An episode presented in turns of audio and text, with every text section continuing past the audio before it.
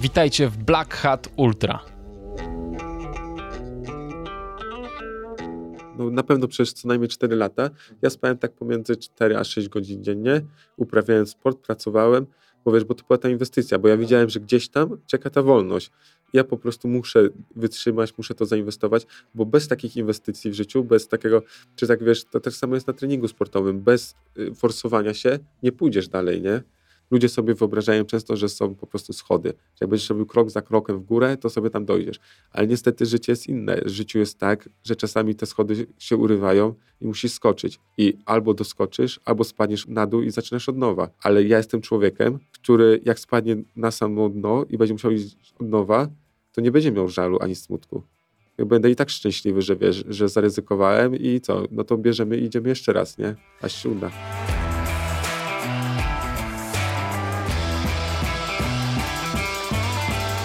To był Adrian Kostera, a ja jestem Black Hat i witam Was w podcaście Black Hat Ultra. Adrian Kostera jest niezwykłym facetem, u którego potrzeba osiągania rzeczy dużych i wspaniałych jest silniejsza niż u większości z nas. Po latach ciężkiej fizycznej pracy w ogrodnictwie i próbach osiągnięcia czegoś w rapie, pisarstwie czy programowaniu, w końcu nakierował się na sport. Wybór padł na triatlon, oczywiście w wersji ultra. Lata ciężkich treningów i wyrzeczeń, ogromna ilość poświęconego czasu, pieniędzy i obciążeń organizmu doprowadziła go do tego, że teraz robi już te rzeczy duże i wspaniałe. 100 maratonów w 100 dni, najdłuższy duatlon na świecie, 5 razy Ironman, 10 razy Ironman. To wspaniałe osiągnięcia, od których włos jeży się na głowie. W rozmowie, którą zaraz usłyszycie, poruszamy bardzo wiele wątków z życia Adriana.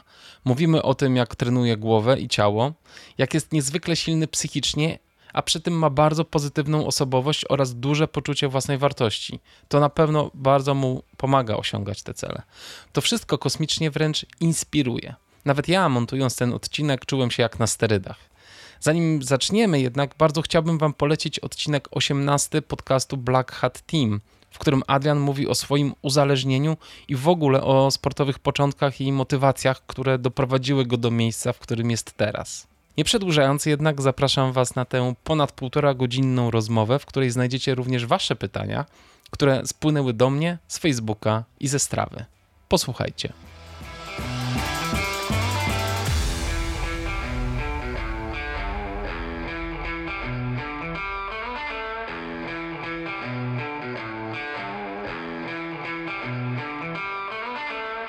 Cześć Adrian, witam cię serdecznie. Witam serdecznie Kamil, dziękuję za zaproszenie, jestem mega dumny będąc tutaj. bardzo się cieszę. Y, ja ci bardzo dziękuję, że przyjechałeś, bo jednak mieszkasz w Holandii, no bo jesteś teraz po tym dziesięciokrotnym Ironmanie dosyć rozchwytywany. Bardzo dziękuję i gratuluję w ogóle niesamowitej imprezy. Dziękuję. Słuchaj, e, tak e, zauważyłem, że ludzie, no bo 10 razy Ironman, 5 razy Ironman, 100 maratonów, 100 dni, to wszystko mm, dla laików brzmi e, jak jakieś ogromne wyzwania i to są ogromne wyzwania, ale my jakby tutaj w świecie ultra, to co nas zawsze interesuje, to, to droga, jaka wiedzie do tych, do, tych, do tych wyzwań, które ty pokonujesz, zresztą na bardzo wysokim sportowym poziomie. Bo wszyscy wiemy, jak strasznie ciężko jest pogodzić takiego, taką pasję z życiem codziennym. I, e, I ty e, robisz to bardzo dobrze. Jakby mm, doszedłeś w mistrzostwie po prostu do, do tych rzeczy. E, I, I bardzo chciałem porozmawiać głównie o tym aspekcie twojej sportowej kariery, czyli mm, jak to się dzieje, że, że dajesz radę to wszystko godzić z życiem, z życiem rodzinnym, codziennym. Na szczęście pracę już wiem, że mogłeś odstawić, tak? No, zamienić. Zamienić. zamienić. Jednak pracuję nad tym, nie? No tak, oczywiście, pracujesz troszkę, troszkę inaczej. E, nawet w podcaście e, do Black Hat Team opowiadałeś o tym, że, że pracowałeś na szklarni wiele lat i w końcu zdecydowałeś się przejść na własny biznes. Ale wracając do początku, ty masz 30 lat i de decydujesz się zmienić coś w swoim życiu, prawda? Jak to wyglądało, powiedz? Na początku e, słowo, e, wiesz, było tylko myśl, jakaś iskra w głowie, nie? Nic mm. więcej, mm. nie? E, wiesz, to taki totalny wielki wybuch, nie? że nagle nie było nic i nagle, wiesz, e, ekspansja jedna wielka. No wiesz, no tą, tą, tą, historię to już chyba wszyscy znają, wiesz, że tam paliłem i w ogóle, tak. wiesz, pracowałem, tak, tak, tak wszystko mi się tak. nie podobało i sobie wymyśliłem, że zrobię sobie jakiś rekord Guinnessa. Tak, tylko właśnie skąd w twojej głowie takie duże cele od razu? E, wiesz co, to... Jak myślisz? Czy wcześniej gdzieś nie, w, dobra. w życiu miałeś, miałeś takie skoki? Taki... E, miałem, wiesz, miałem, no. naprawdę. Ja od, zawsze chciałem coś robić. Na przykład ja zawsze miałem tak, e, na przykład później jak uprawiałem sport, nie? I mówię, że uprawiałem ten sport po nocach, kiedy żona spała, nie? Tak. Ale to nie było dla mnie nowe, bo tak, jak się poznaliśmy, mieliśmy 18-19 lat, ja po nocach nagrywałem sobie rap, nie? Myślałem, że wydam sobie płytę. Prawie ją ukończyłem, mhm. a w ogóle to też będzie fajna, fajna, fajna rzecz do opowiedzenia, słuchajcie. No, no, no. Bo to jest tak, nagrywałem ten rap, zrobiłem już płytę i... Muzykę też? E, też, no. Mhm. Muzykę słabą robiłem, ale teksty dobre. no i no i tak tego słuchałem i się porównywałem, wiesz, z jakimiś artystami, których ja słuchałem, jak Soku, wtedy Eldo czy Bisz, nie? Tak. I mówię, nie, to jest gniot w ogóle, nie? To w ogóle nigdzie tego nie wypuszczam. No i te marzenie umarło. E, to tam zostało, ale później, wiesz, wiele razy słuchałem tego e, innych rapów i zawsze gdzieś w głowie się pojawiało o, a tak fajnie to kiedyś robiłem, tak to kochałem i teraz tak. już tego nie ma, nie? I takie zawsze było tęsknienie, taki żal, nie?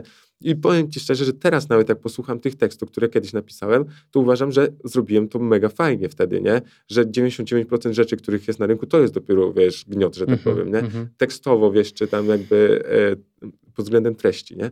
No ale dobra, to, to zniknęło. No ale czekaj, zniknęło, ale teraz trochę żałujesz, że tego nie pociągnąłeś? E, Z perspektywy czasu? Tak, wiesz, tak, bo E, może na końcu spuentuję, dobra, dobra? dobra, dobra. No, i, no i to zniknęło, nie? No i pozostał ten taki żal wiele lat, wiesz, w takich na przykład momentach, jak gdzieś kogoś słuchałem i sobie myślę, kurde, ja też mogłem to kiedyś tak, wiesz, tak nagrać, tak fajne teksty, ktoś by tego później słuchał, nie? Jakoś zmienić to swoje życie. No dobra, to znikło z mojego życia. Pojawiły się książki. E, zacząłem pisać książki. Tak. E, jedną książkę pisałem przez rok. A, i w ogóle, wiesz, ten rap nagrywałem po nocach, kiedy żona spała te książki pisałem też po nocach, kiedy żona spała, nie?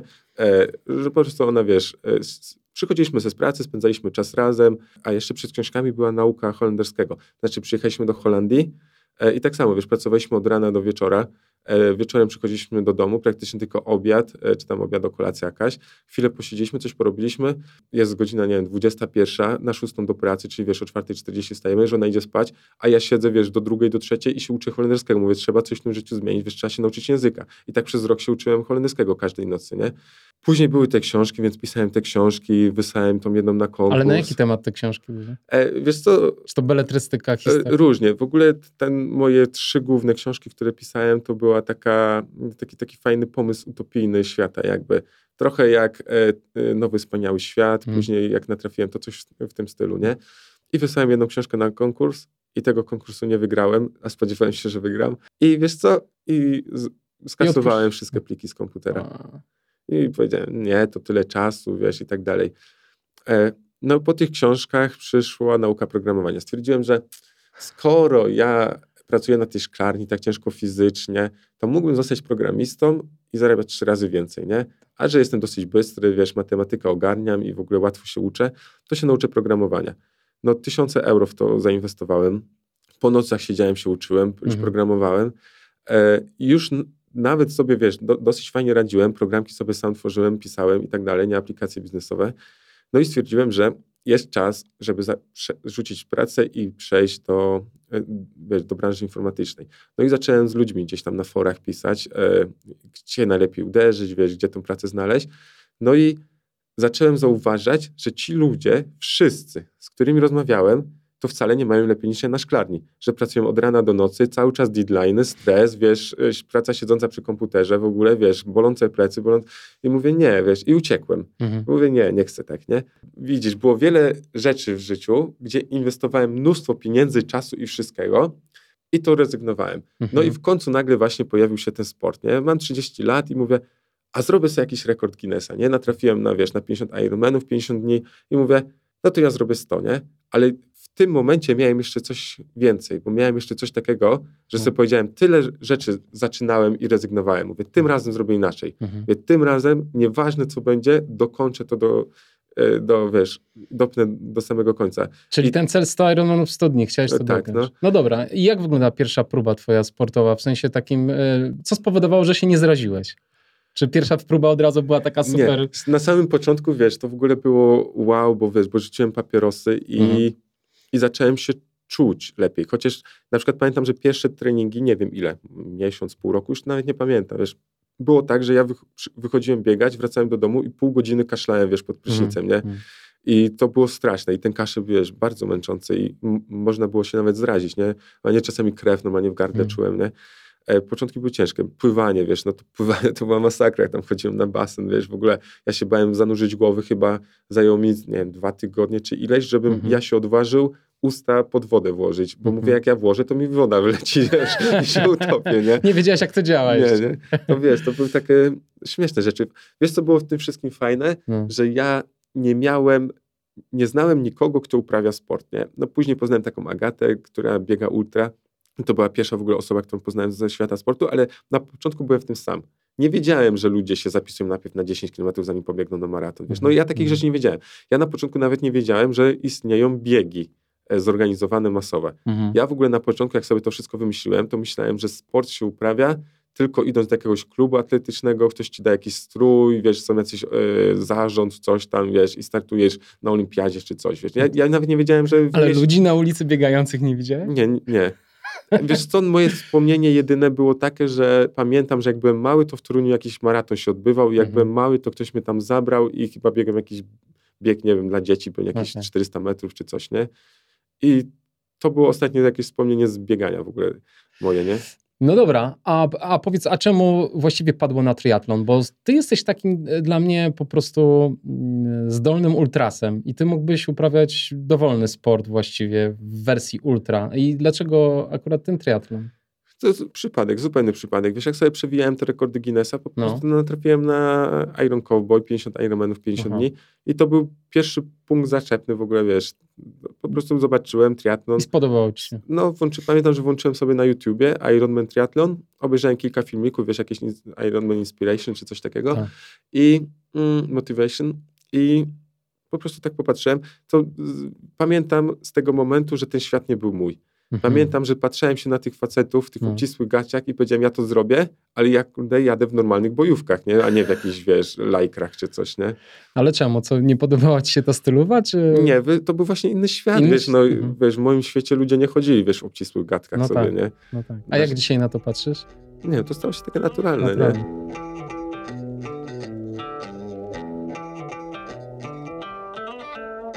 Niesamowite, że akurat wziąłeś sobie jedną z trudniejszych dyscyplin. W sensie, wiesz, wziąłeś taki sport, w którym się trenuje de facto trzy dyscypliny. W dodatku No. jeden, jak opowiadasz, to pływanie totalnie.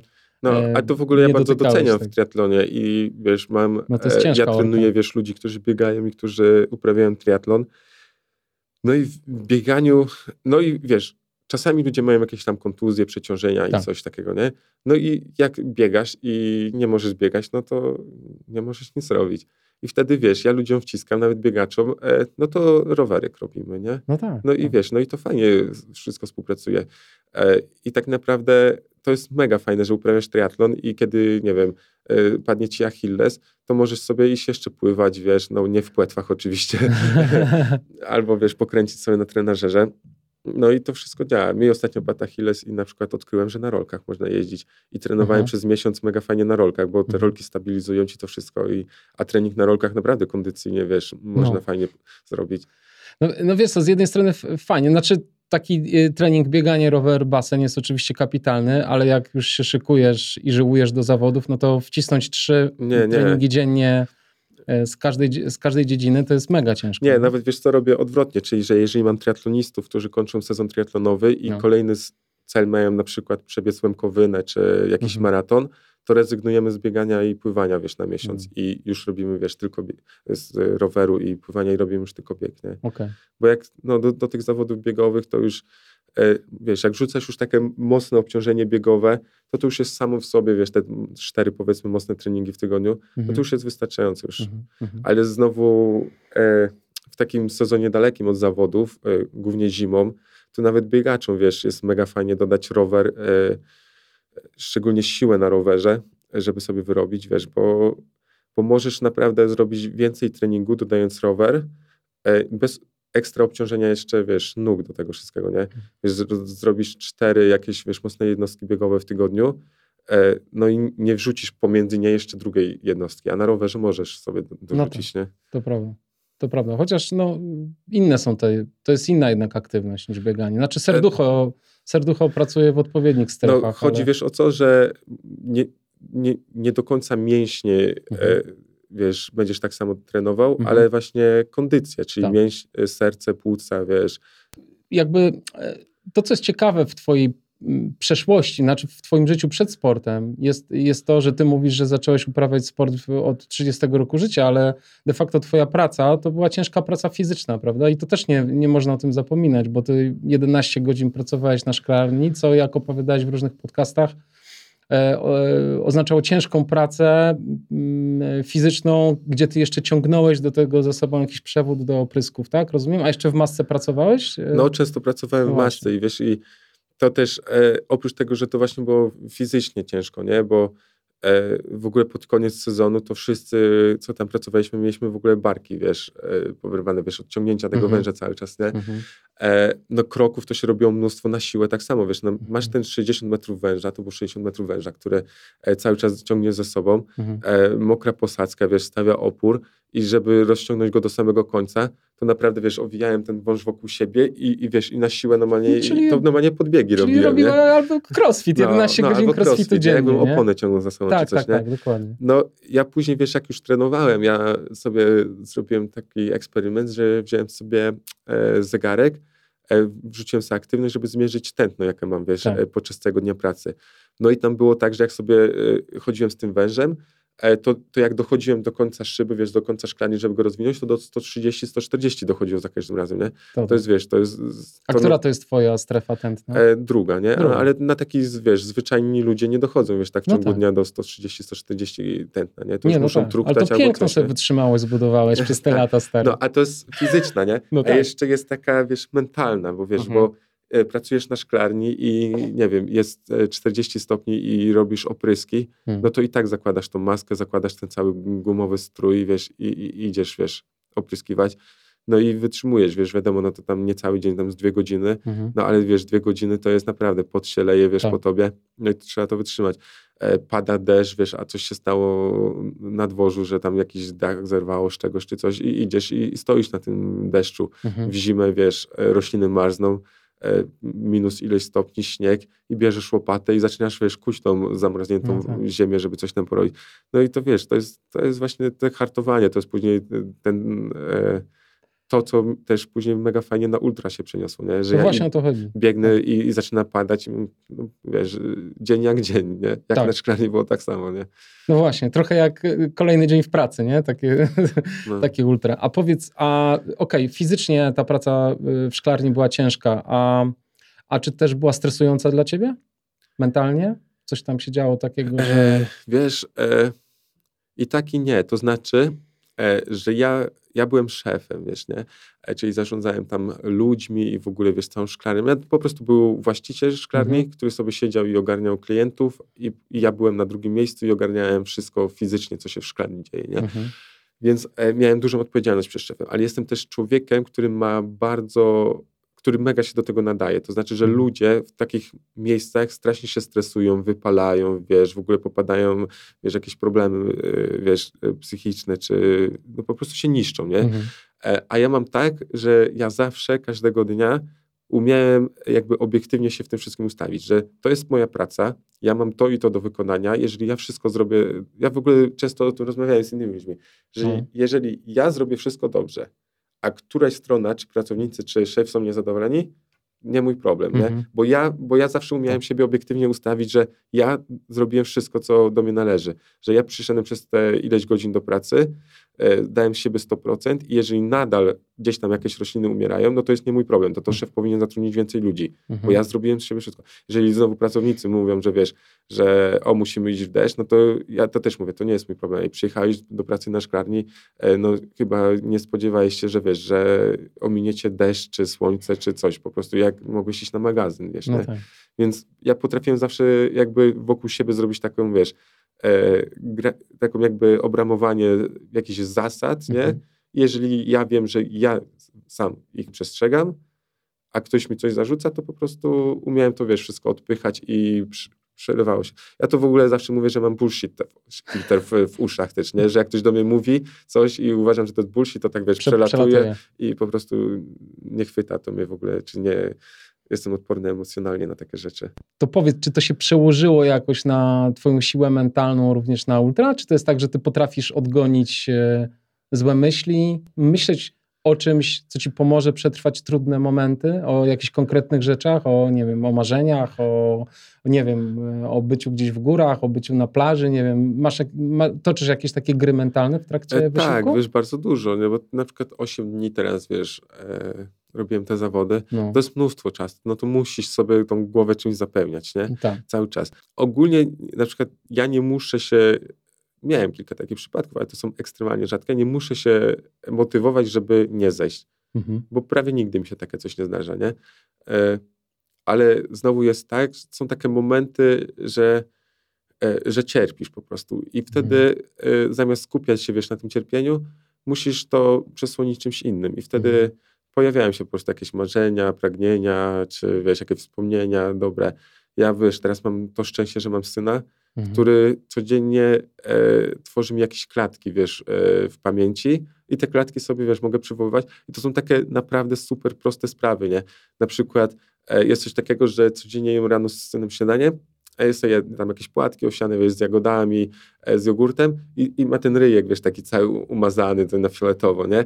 I to jest taka klatka, wiesz, on tym, jak się na, na, mnie patrzy, uśmiecha się i cały jest fioletowy, nie? I to jest jedna klatka, nie? Mhm. I taka klatka wystarczy, żeby za każdym razem, jak mi jest ciężko, sobie ją przywołać i wiesz, i w sercu robi się ciepło i wiesz, i, mhm. i masz tą klatkę i sobie ją trzymasz i nic więcej nie potrzeba. Fajnie. Jakie jeszcze klatki przywołujesz?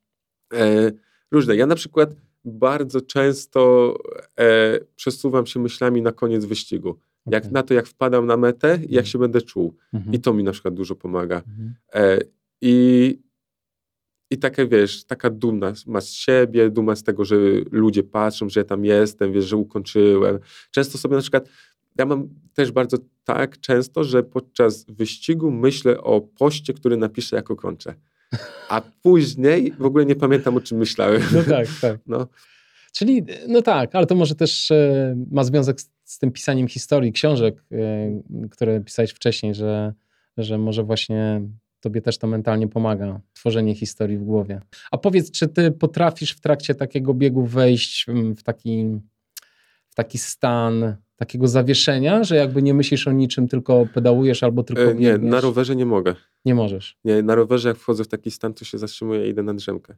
A, okay. wiesz, Bo jest zbyt niebezpiecznie. Zbyt niebezpiecznie. Jest po prostu, wiesz, na przykład teraz mieliśmy e, no, szerokości tego stołu ścieżkę rowerową. Mhm. I tu, gdzie ja siedzę i tu, gdzie ty siedzisz, już były przepaście, 10 metrów w dół. Więc wiesz, takie wejście mhm. w taki stan, że, że jak ja jechałem i nagle łapałem się na tym, że od kilku minut E, jestem nieświadomy tego, że mhm. jadę, że jadę na automacie, to się zatrzymywałem, bo, okay. bo to było bardzo niebezpieczne tutaj, nie?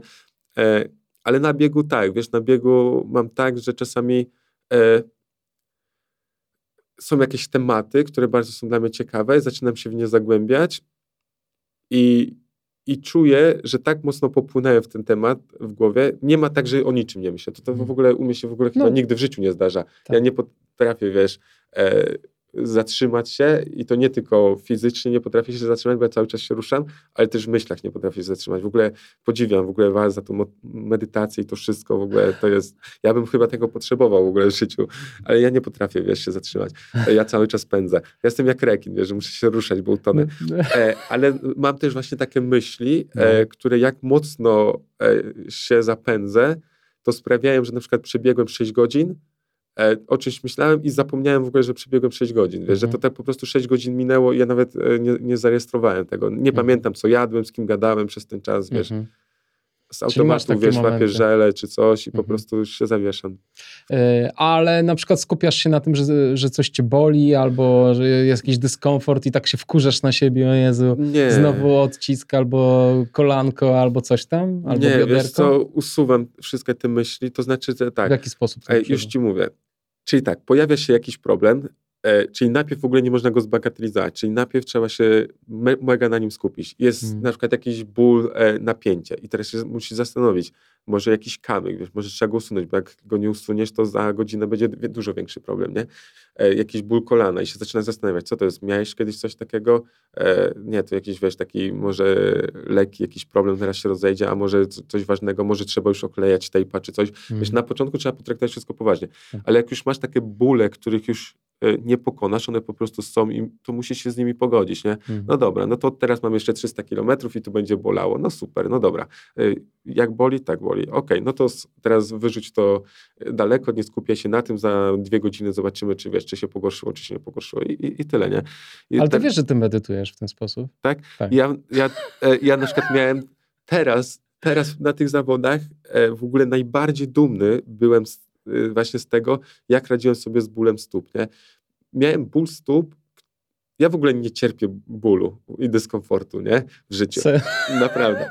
No i miałem taki ból stóp w ogóle, że jak na przykład ukończyłem zawody, no. to nie byłem w stanie dojść do łazienki. A na zawodach byłem w stanie z nim przebiec ponad 300 km. Mhm. A po zawodach, jak już nie miałem tej motywacji, nie byłem w stanie dojść do łazienki i mam takie nagranie, jak Tomasz Luz wiezie mnie na wózku, wiesz, do to i to ja, bo ja A, tak, widziałem ostatnio. No, no i tak, zobacz. To było coś takiego, nie? że moje stopy e, od spodu były normalnie, wiesz, pocięte całe no, no. E, i wiesz, i normalnie 100% powierzchni stopy bolało, nie? Normalnie ja to porównuję za każdym razem do tego, jakbym nie miał skóry e, no i, i, po prostu albo, wiesz, same odciski i dotykał za każdym razem tym wszystkim, wiesz. Ale czekaj, pocięte, wyjaśnij, bo ja wiem, co to jest. Wiesz, co rozmokły mi, wiesz, okay. jak, jak rozmakają stopy, to się robią takie No wiem. Po, takie I bruzdy. potem jak wyschną, to no, jest najgorsze. No, i, i to po prostu mi porozpękało mhm. tak, że po prostu... Ja rozumiem. Nie? No i tego wiesz, ani nie okleisz, bo nawet mhm. jak okleisz, to i tak jest z dołu stopy, nie? Tak, to i tak, tak na to stępuje za każdym razem. No, e, później w ogóle przebiegłem 140 km w, w, klapkach i było tak, że ja normalnie biegam tak bardziej spięty, nie? Tak. A w tych klapkach musiałem biec ze śródstopia, nie? To tu wewnątrz w ogóle te wszystkie kości mnie mhm. strasznie bolały, nie? Także jak ja e, jak biegłem, to nie, ale jak się na przykład zatrzymywałem i nagle czułem, jak te wszystkie kości tak, wiesz, tak mega mhm. mocno bolą, nie? Mhm. E, no i, i było tak, że wiesz, no się zatrzymywałem jakieś tam 5 e, minut czy coś, wiesz, żeby coś zjeść albo żeby się zdrzemnąć chwilę i wstawałem i dotykałem asfaltu i po prostu był taki, wiesz, taki wielki, silny ból wewnątrz i, i zaczynam iść, wiesz, mijam te wszystkie namioty, ludzie na mnie patrzą, ja idę normalnie, wiesz, jeden krok, nie wiem, na 10 sekund, nie? Mhm. E, I wszyscy mówią, nie, Kostera już w ogóle jest out z wyścigu, nie, nie ma go. No, ale wiesz, tak sobie idę i sobie zaczynam delikatnie przyspieszać, delikatnie mhm. przyspieszać, tak że jak już miałem kilometr za sobą, to już znowu biegłem z powrotem, mhm. nie? Mhm. No, a przez ten kilometr e, wymyśliłem sobie taką fajną zabawę, że tak, idę i najpierw próbuję określić e, ból. Stwierdziłem, że ja nadam temu bólowi kształt żeby to nie był po prostu boli, gdzieś tam sobie jest, nie tylko nadam mu. To jest taki ból, boli tu, to wygląda tak, brzmi tak, nie wiem, smakuje, obojętnie co. Jest jakiś kształt po prostu. Czyli nie? wizualizacja. Że, że to jest ten, no wizualizacja, mhm. że to jest ten ból, nie? Mhm. Dobra, i sobie, i, sobie wymyślałem, że sobie go pakuję, tak sobie wiesz, mhm. brałem ten ból, wymyślałem sobie, że go pakuję w taką skrzyneczkę i mówię, dobra, to jest ten ból, on jest teraz e, e jakby tu z przodu, w świadomości, to teraz wrzucimy sobie go do tyłu, a tu z przodu zapełnię sobie czymś innym. I wiesz, i wyrzucałem ten ból do tyłu i, i ja sobie mówiłem, że robię z tego e, tło. To znaczy, że ten ból jest, ale gdzieś tam z tyłu, jako tło, jako taki szum, a z przodu dużo wyraźniejsze będą jakieś inne myśli. A co wrzucałeś z przodu? E, wiesz co, e, albo ja w ogóle zacząłem dużo śpiewać, wiesz, ja, ja już później biegałem i wszyscy, wiesz, uważali mnie za wariata, bo sobie darłem się na całe gardło, nie? E, wiesz, po prostu wszystko, żeby tylko mhm. e, było to głośne i wyraźne i mocne i żeby ten ból zagłuszało, nie? Wow. Dużo pomagali też ludzie, którzy ze mną biegli, bo wiesz, przychodzi, ja w ogóle mam tak, że jak ktoś do mnie przybiega i sobie mhm. myśli, że on sobie e, przybiegnie, ja będę dużo opowiadał i on ze mnie wyciągnie informacje, a ja mam odwrotnie, że jak ktoś do mnie przychodzi, to mi się nie chce opowiadać. Nie? Mówię, ja jestem zaciekawiony, kim jestem, gdzie pracujesz? A, no lekarz, no i jak tam się jest lekarzem, nie? I co robicie, nie? Albo wiesz, pilot, o, to co, co, co, co tam pilotujesz, nie? Jak się pracuje jako pilot, wiesz? I ja zaczynam od nich wyciągać mega informacje i oni mi dają super rozrywkę tym, wiesz, nie? Super sobie te ćwiczenia mentalne robisz, powiem ci. Bardzo fajne. No, tak ponad dwa dni wiesz, mhm. biegłem z tym bólem stóp. No i byłem mega dumny naprawdę, że wiesz, że z tym bólem, ale jednocześnie byłem, wiesz, mega zirytowany, nie, bo kondycyjnie czułem się fajnie, wiesz, czułem, że po prostu, e, że mam siłę, żeby nagle, wiesz, przycisnąć i dogonić. Pamiętam, że zostało 200 kilometrów do końca. Mówię, e, wiecie co, ja 200 kilometrów nieraz przebiegłem w życiu. Teraz lecę na raz do samego końca, 6.30 i ja ich ścignę na końcu, nie? No i zacząłem biec i przebiegłem 50 kilometrów w taki sposób. I normalnie usiadłem i się prawie popłakałem z bólu, nie? Bo te moje stopy nie dały mi tego, nie? 50 kilometrów tak zaciskałem zęby, żeby, wiesz, zmuszać te moje nogi, to wszystko, wiesz, do bólu. Później jeszcze e, uda zaczęło mi spinać i w ogóle, wiesz, nie mogłem zmusić nogi i, i taki, wiesz, czułem się taki mega sfrustrowany, nie? Że, że są chęci, jest siła, wiesz, do walki i wszystko, tylko po prostu fizycznie nie mogę tego zrealizować. I co, zwolniłeś po prostu? No, później było tak, że już, że podnosiłem kilka prób, i, I, nie wiem, gdzieś został maraton, może do końca, nie pamiętam dokładnie. I pamiętam, że był poranek i zrobiłem takiego live'a, że ja, no, ja się po prostu poddaję. Niech oni sobie tam uciekają, mhm. że to nie ma sensu, że ja i tak zrobię ten y, wynik poniżej rekordu świata, już nawet jak sobie dotruchtam, wiesz, na spokojnie z przerwami. I już sobie tak zaplanowałem, żeby zrobić tylko tak delikatnie pokonać ten rekord poprzedni świata i to wszystko. Też mam taki mały żal, wiesz, bo to się poddałem trochę. Że się poddałeś trochę. No kurczę, nie, nie rób tego sobie. I tak stary, odwaliłeś przecież niesamowitą robotę, także, ale rozumiem cię, trochę cię rozumiem chyba. Ale powiedz w ogóle, od czego się zaczął ten problem ze stopami, bo ty nie miałeś wcześniej problemu Nie, stopami. wiesz co, bo ja, ja bardzo dużo biegałem w różnych no po warunkach pogodowych i, i w deszczu biegałem i do tej pory e, było tak, że jak sobie biegałem w deszczu, wiesz, my biegamy na pętlach, więc najprostsze było załatwić sobie, wiesz, dużo par butów, dużo skarpet, e, mam ten support, wiesz, do którego mogę co chwilę podbiegać. No i biegam sobie tak, że e, biorę wszystko suche, nowe, biegnę sobie 10 kilometrów, e, po 10 kilometrach zazwyczaj dopiero ledwo, wiesz, te buty, skarpety są mokre, więc sobie przybiegam, bierzemy nowe suche i, i, biegnę dalej, nie? No i nie było nigdy problemu, nie? Tylko, że tam woda stała tak, że ja ubierałem nowe skarpety, nowe buty, wybiegałem i wpadałem po kostki do wody. I po prostu biegłem non-stop, nieprzerwanie. No i wiesz, jak przybiegłem tam 100 kilometrów e, cały czas, wiesz, w mokrych butach, to te stopy moje padły. Wiesz, no parę błędów. Ja na przykład nie wiedziałem, że są skarpety z Cortexu, chyba to się mówi tak. Wodoodporne. W sensie. Wodoodporne, no, są, więc to tak. można było sobie załatwić. Ale one też mają specyficzną strukturę i zazwyczaj są grubsze, więc e, tak. to nie, to nie jest takie chyba... A, nie wiem. I dobrze jest mieć to... większy but. No wiesz, buty, ta, buty to jest druga sprawa, nie? Buty normalnie biegam 45. Tak. Na ultra mam przygotowane jeszcze 46, czyli zaczynam 45, później biorę sobie 46, nie? Na tych zawodach skończyłem w 48. tak mi stopy spuchły, nie? Więc był długi odcinek czasu, że ja biegłem w butach 46, chociaż były maksymalnie jakby na moją stopę, że mnie obcierały z każdej strony. No, później dlatego zacząłem biec w laczkach, bo już w ogóle te 46 nie wchodziłem, więc przebiegłem w laczkach i później zdobyliśmy buty 47-48 i dopiero znowu mogłem biec w butach. A w jaki sposób zdobyłeś te buty?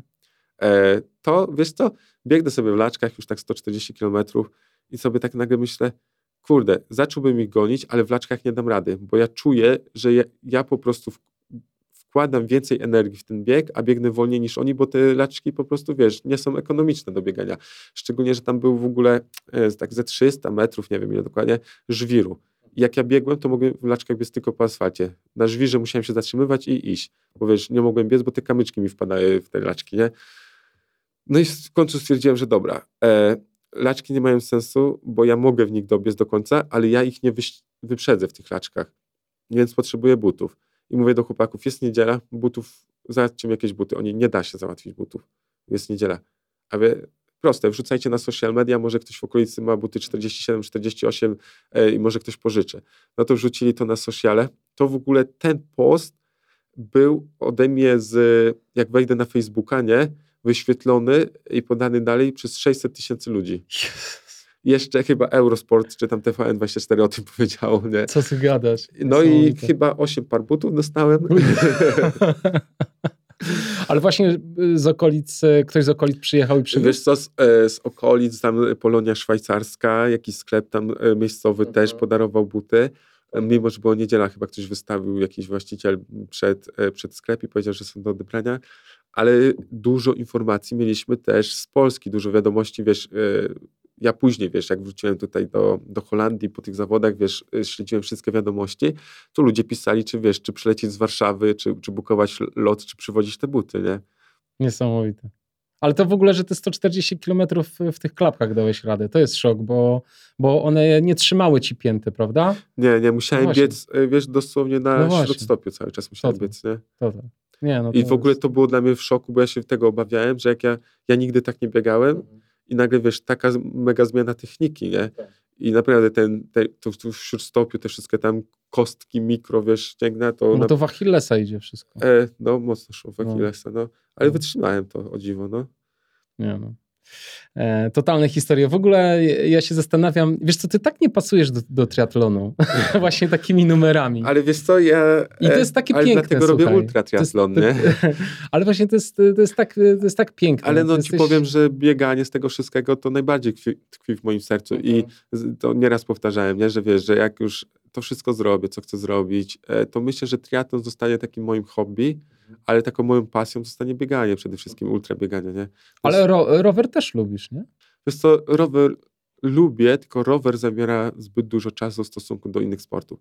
To znaczy, e, jak chciałbyś wyjść sobie na jakiś trening biegowy i się, wiesz, mocno zmęczyć i wrócić do domu, wiesz, tak powiedzieć, że o, było, wiesz, ostro, no to robisz tam jakieś 30 km, na przykład po 4,30 dla mnie, no i wracam do domu i no to ile tam, 2,5 godziny czy coś takiego, nie?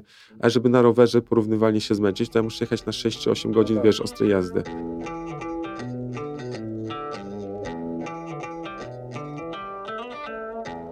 A ty lubisz w ogóle sport? E... Tak w ogóle? Lubisz wychodzić na treningi? To zależy. E, ja na takie zwyczajne treningi chodzę prawie codziennie, chociaż za bardzo tak, nie wiem, lubię mieć trening zrealizowany, lubię jak na trening Peaks wszystko jest na zielono, e, ale samo wyjście, ten początek to tak nie za bardzo. E, jakbym mógł wybrać kompletnie bez konsekwencji. Jak ktoś by mi powiedział, słuchaj, możesz teraz poleżeć godzinę, oglądać sobie Netflixa albo iść na trening, a obiecuję ci, że po wszystkim będziesz miał identyczną kondycję, to bym wybrał tego Netflixa, nie? No ale wiem, że żeby mieć jakieś coś za rok osiągnąć, to muszę dzisiaj wyjść na ten trening, więc to jest dla mnie takie oczywiste, nie? Ale są treningi, które też lubię, nie? Jak na przykład mam coś takiego, że mam zaplanowane, że na przykład będę sobie, e, że pobiegnę sobie na lotnisko w Eindhoven 55 km w jedną stronę i w drugą wrócę i sobie, wiesz, rano wstaję o trzeciej, e, pakuję sobie plecaczek, wiesz, mhm. e, ubieram się, lampka, czołówka, słuchawki, książka, e, audiobook jakiś i sobie, wiesz, biegnę, gdzieś tam się zatrzymuję w lesie, wiesz, bo trzeba do toalety, czy gdzieś tam później na stację benzynową, żeby sobie rano kawę kupić, no to takie rzeczy uwielbiam. Mm. No okej. Okay. A powiedz, bo wiesz co, ja to jestem taki człowiek raczej z lasu i mam do ciebie, ja nie, ja nie rozumiem za bardzo tego biegania po pętli asfaltowej kilometr 200, i mam do Ciebie pytanie, czy, czy czasem nie przychodzi Ci do głowy, że fajnie byłoby robić te triatlony, ale bardziej w wydaniu właśnie terenowym, górskim albo... Tak, ale takie są i takie będę kiedyś robił. Wiesz, Michał Rajca chyba robi takie, nie? Dużo osób w Polsce teraz są bardzo popularne. W ogóle cała seria e, Diablaka, czy mhm. Harda Suka, czy takie no, Harda rzeczy. Suka jest wspaniała. Tak. Więc e, dzieje się, wiesz, w ogóle ja teraz jadę z moim potopiecznym Piotrem Mellerem na, do Chile. Właśnie On robi Patagonia Man. I to, tak. te, to też jest, wiesz, offroad mega fajny, no nie? E, więc takie Dużo, rzeczy no. też mnie kręcą. Ja w ogóle po tym wszystkim, bo wiesz, no ja jestem nakręcony najpierw na tego Guinnessa i tak dalej. Tak, w sensie e, na te 100 Ironmanów w studni, tak? E, nie, to trochę uległo przeobrażeniu teraz. O, to zaraz opowiesz.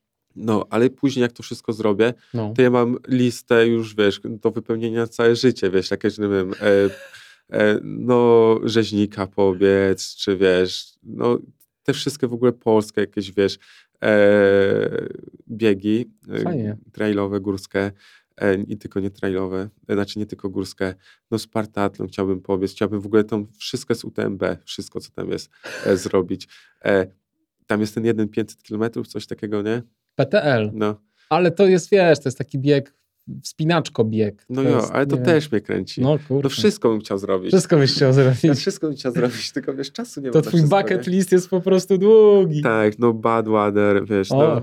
No na Spartatlon już miałem być, bo chciałem ten Spartatlon zrobić e, w tym roku albo w poprzednim.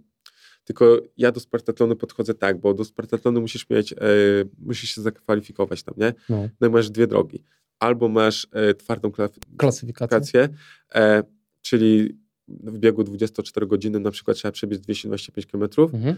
albo masz poprzez losowanie i wtedy musisz w biegu dobowym przebiec 180 km. Mhm. No i ja stwierdziłem, że bardzo dużo osób z partatlonu nie kończy. I ja nie chcę tam jechać po to, żeby tego nie ukończyć, tylko raz, że chcę ukończyć, a dwa, że jeszcze chciałbym ukończyć z takim mega fajnym dla mnie wynikiem, nie?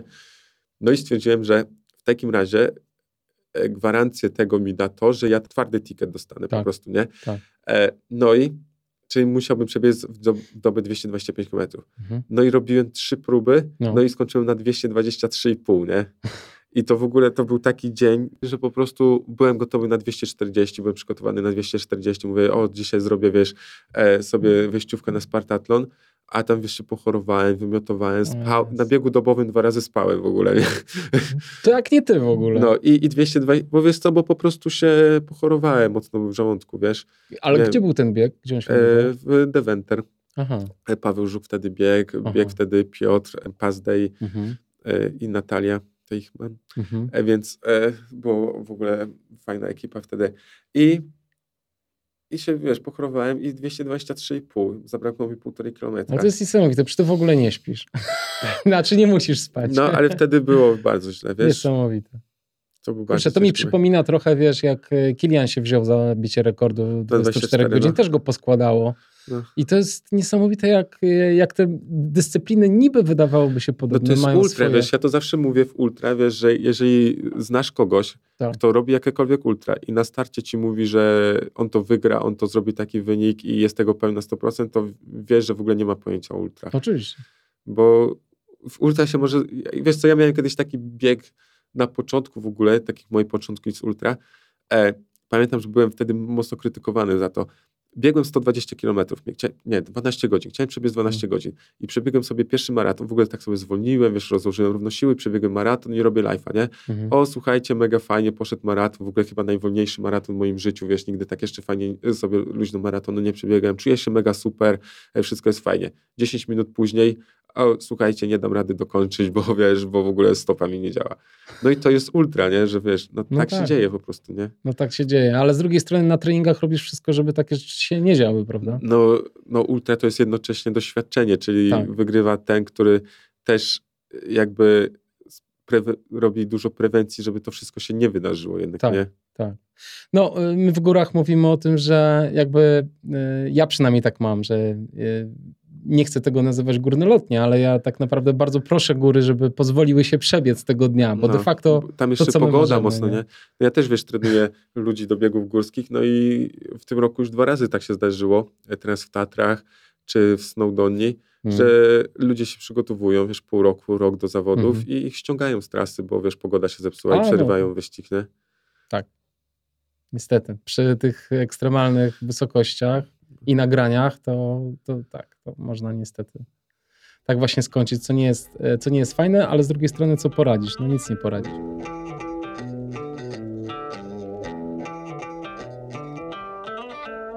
Opowiedz w takim razie, e, jak się zmieniła twoja wizja tych 100, 100 maratonów w 100 dni, 100 dni? No wiesz co, bo to jest tak, że jak ja to sobie planowałem i to było moje te pierwsze marzenie, e, to byliśmy z Elą sami, nie mieliśmy dziecka. Więc to było takie, wiesz, e, trudne, ale całkiem do wyobrażenia wtedy, że mogę sobie przez 100 dni od rana do nocy uprawiać ten triatlon, e, spać i te 100 dni wytrzymamy tak samo jak kiedyś wytrzymaliśmy 100 maratonów, które robiłem e, chodząc po pracy na nie, nie? No, ale wiesz, no mam teraz dziecko i i w moim wyobrażeniu kompletnie nie da się tego pogodzić, że ja miałbym teraz na 100 dni zniknąć z życia mojego dziecka. Wiesz, szczególnie teraz, jak każdego dnia praktycznie uczy się czegoś nowego, wiesz, e, nowe słowa, nowe jakieś gesty, wiesz, codziennie jakieś uśmiechy. No i to jest, nie wiem, to, to by był mega grzech po prostu, po prostu tak. wiesz, to by było niewybaczalne, wiesz, to, tak. to całe, to wszystko, co bym mógł osiągnąć e, tymi 100 Ironmanami, nie byłoby warte, wiesz, utraty tych 100 dni z dzieckiem. No, ale wiesz, że nie chciałem kompletnie rezygnować z tego wszystkiego. E, myślę, że te 100 Ironmanów to i tak sobie kiedyś zrobię e, w bardzo odległej przyszłości. Mhm. Ale e, zacząłem sobie wymyślać inny jakiś challenge, nie? Wiesz, coś, co będzie również Guinnessem, coś, co będzie w moich oczach równie ciężkie i, i równie jakby po wszystkim poczuję się spełniony i dumny i coś, co będzie też mega, wiesz, atrakcyjne, nie? Żeby znaleźć na to sponsorów. No i wymyśliłem wtedy, że zrobię e, najdłuższy triatlon na świecie, nie? czyli że w księdze rekordów Guinnessa postaram się umieścić wpis najdłuższy triatlon na świecie Adrian Costera. Nie? I w sumie, żeby to zrobić, to nie trzeba praktycznie dużego wysiłku, bo ten rekord jest chyba teraz na 7,5 tysiąca kilometrów, więc to nie jest jakiś tam wy, wyżyłowany rekord, no ale to by nie, nie spełniło drugiego punktu, czyli nie czułbym się, wiesz, spełniony i dumny z tego wszystkiego, nie? No i w zeszłym roku e, Johannes Deichmann e, pokonał triatlon wokół planety 20 coś tam tysięcy kilometrów. Czyli już najpierw przepłynął w Morzu Śródziemnomorskim, później rowerem przeprawił się aż do Władywostoku, później przebiegł przez cały Meksyk i wrócił z powrotem z Portugalii rowerem do Monachium, nie? Ale to nie był żaden rekord, bo on w ogóle żadnych zasad tam nie przestrzegał, wiesz, e, wytycznych rekord Guinness w ogóle, wiesz, e, i tak dalej. Ale kosmiczny projekt. Ale, ale tak projekt kosmiczny, nie? Kosmiczny. Więc wiedziałem, żeby, e, że chcę zrobić coś większego niż on. Mhm. No i zgłosiłem się do Guinness World Record i o wytyczne w ogóle, co muszę spełnić, żeby taki wynik, żeby taki wpis sobie uzyskać, nie? No, pierwszy punkt to był taki, że podział pływanie, rower, bieg musi zostać zachowany z triatlonu olimpijskiego, czyli 3% tam pływania i tak dalej. Nie? No wiesz, to jest bardzo ważne, bo tak naprawdę teoretycznie ktoś by mógł sobie kilometr przepłynąć, 30 e, tysięcy przejechać na rowerze i kilometr przebiec i powiedzieć, no zrobiłem triatlon. Nie, nie, wiesz, mus, musi być e, jednak 3% pływania, wiesz, i tak dalej, to później ustawione. E, druga sprawa, no to było, że to musi być e, na pętlach wymierzonych oficjalnie i tak dalej. Te pętle też nie mogą być proste. To znaczy, że wiesz, że później w odczytach z zegarka e, ktoś by nie mógł dojść, czy na przykład, czy w połowie się nie, nie zawróciłem, nie? Więc musi być na przykład trójkąt, żeby za każdym razem, wiesz, odczyt był idealny. Musi być dwóch świadków i, i tak dalej, mnóstwo tych wytycznych, nie? Tak. No i, i utworzyłem projekt, który będzie polegał na tym, że w formule triatlonu łącznie pokonam e, obwód Ziemi, tylko nie, że tak jak Deichmann e, wzdłuż jakby naszego e, równoleżnika, tylko wzdłuż równika. 40 750 km to będzie ponad, nie? No. I no i zaczynam, wiesz, zaczynam 1 czerwca, znaczy, no, czy zaczynam, e, wiesz, teraz e, tworzymy projekt, tworzymy e, biznesplan, tworzymy pakiety sponsorskie, robimy marketing i tak dalej. No dobra, ale jak chcesz to rozłożyć e, w czasie? W czasie, e, wiesz co, e, w ogóle powstała strona adriankostera.com, mhm. gdzie można wszystko, wiesz, odnaleźć bardzo łatwo. Mhm dużo liczb, yy, trudne do zapamiętania, wszystko idealnie, ale tak mniej więcej ci powiem. Tak, mniej tak mniej więcej to będzie tak. Zaczynam od 1200 km pływania.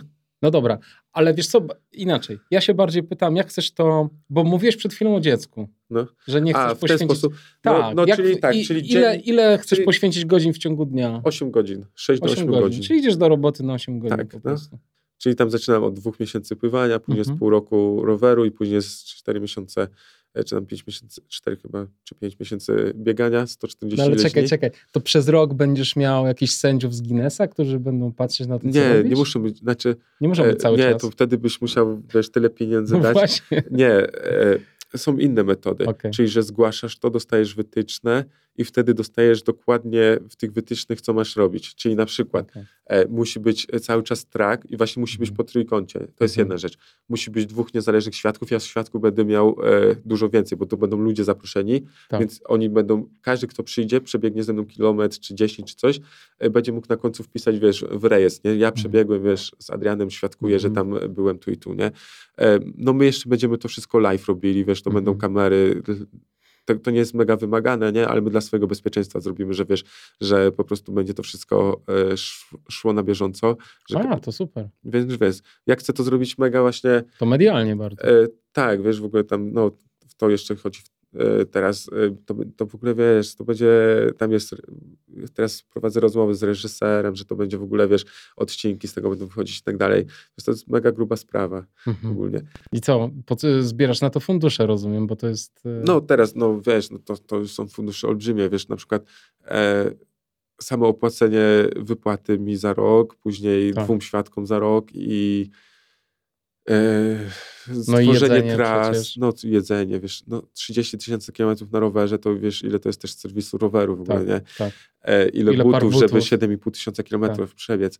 E, no też obsługa tych ludzi, wiesz, bo to będzie wydarzenie otwarte, czyli że będzie mnóstwo ludzi każdego dnia hmm. przybywać, wiesz, żeby tam sobie e, wziąć w tym udział też ze mną. Hmm. Czyli trzeba zapewnić im bezpieczeństwo. Jak pójdziemy pływać codziennie 6-8 godzin, to ktoś musi pilnować, żeby ci ludzie nie potopili się tam, nie? Wiesz, bo nie chciałbym mieć czegoś takiego na, na swojej odpowiedzialności później. Jakieś pomieszczenie, gdzie się będą spotykać, że wiesz, że będzie można jakieś posiłki przygotować czy coś. Tak. No, tak. logistyka olbrzymia. No właśnie. Czy mówisz o ludziach, którzy tam będą cię wspierać? Czy to będą twoi znajomi z, z Holandii, z którymi biegasz normalnie? Wiesz co, to w ogóle będzie w Polsce. Ach, to w Polsce będzie. Tak, to będzie w Polsce. E, wstępnie a, to fajnie. No, gdzieś koło Łodzi, gdzieś tak centralna Polska. Aha. E, wstępnie już prowadzę tam rozmowy właśnie z różnymi miejscami i organizacjami, które e, pomogą. No i to będą ludzie, mam nadzieję, z całej Polski po prostu, wiesz. Ej, no to mega. To też wpadnie. Tak właśnie dlatego to chciałem zrobić w Polsce, bo chciałbym po prostu, ja to mówię, rozruszać Polaków, wiesz, mhm. żeby wiesz, każdy, bo wiem, jak wyglądają te wyzwania, jak robię w Holandii, że mhm. jednak bardzo dużo ludzi przyjeżdża i dużo, wiesz, ludzie z tego czerpią motywacji, wiesz, tak. odmieniają się też tak jakoś wewnętrznie po tych wszystkich wydarzeniach. Więc to będzie mega fajne, że przez rok, wiesz, każdy będzie mógł wpaść sobie i to zrobić. Czy jak z Rysiem Kaleszczyńskim, wiesz, biegali ludzie 366 maratonów mhm. że Rysiu nigdy nie został sam, wiesz. Mhm. Więc to jest mega inspirujące. No właśnie, też e, miałeś taki, taki speech na TEDxie i tam mówiłeś o tym, jaki dla ciebie to jest ważny ten wymiar społeczny, ten wymiar bo to szkoda innych. marnować, wiesz, bo to jest potencjał, który naprawdę można mega pożytecznie wykorzystać i tak. jakbym sobie to zrobił tylko, wiesz, czysto e, egoistycznie, hmm. e, żeby z tego wyczerpać sobie jakąś korzyść, żeby sobie zawiesić tego Guinnessa, to by było po prostu naprawdę szkoda, wiesz, tego mhm. wszystkiego. Mhm. Fajnie, że robisz tę akcję. Ale słuchaj, y, i na pewno mnóstwo osób przyjedzie i będzie ci tam wspierać, także to jest fajny pomysł i fajnie, że w Polsce.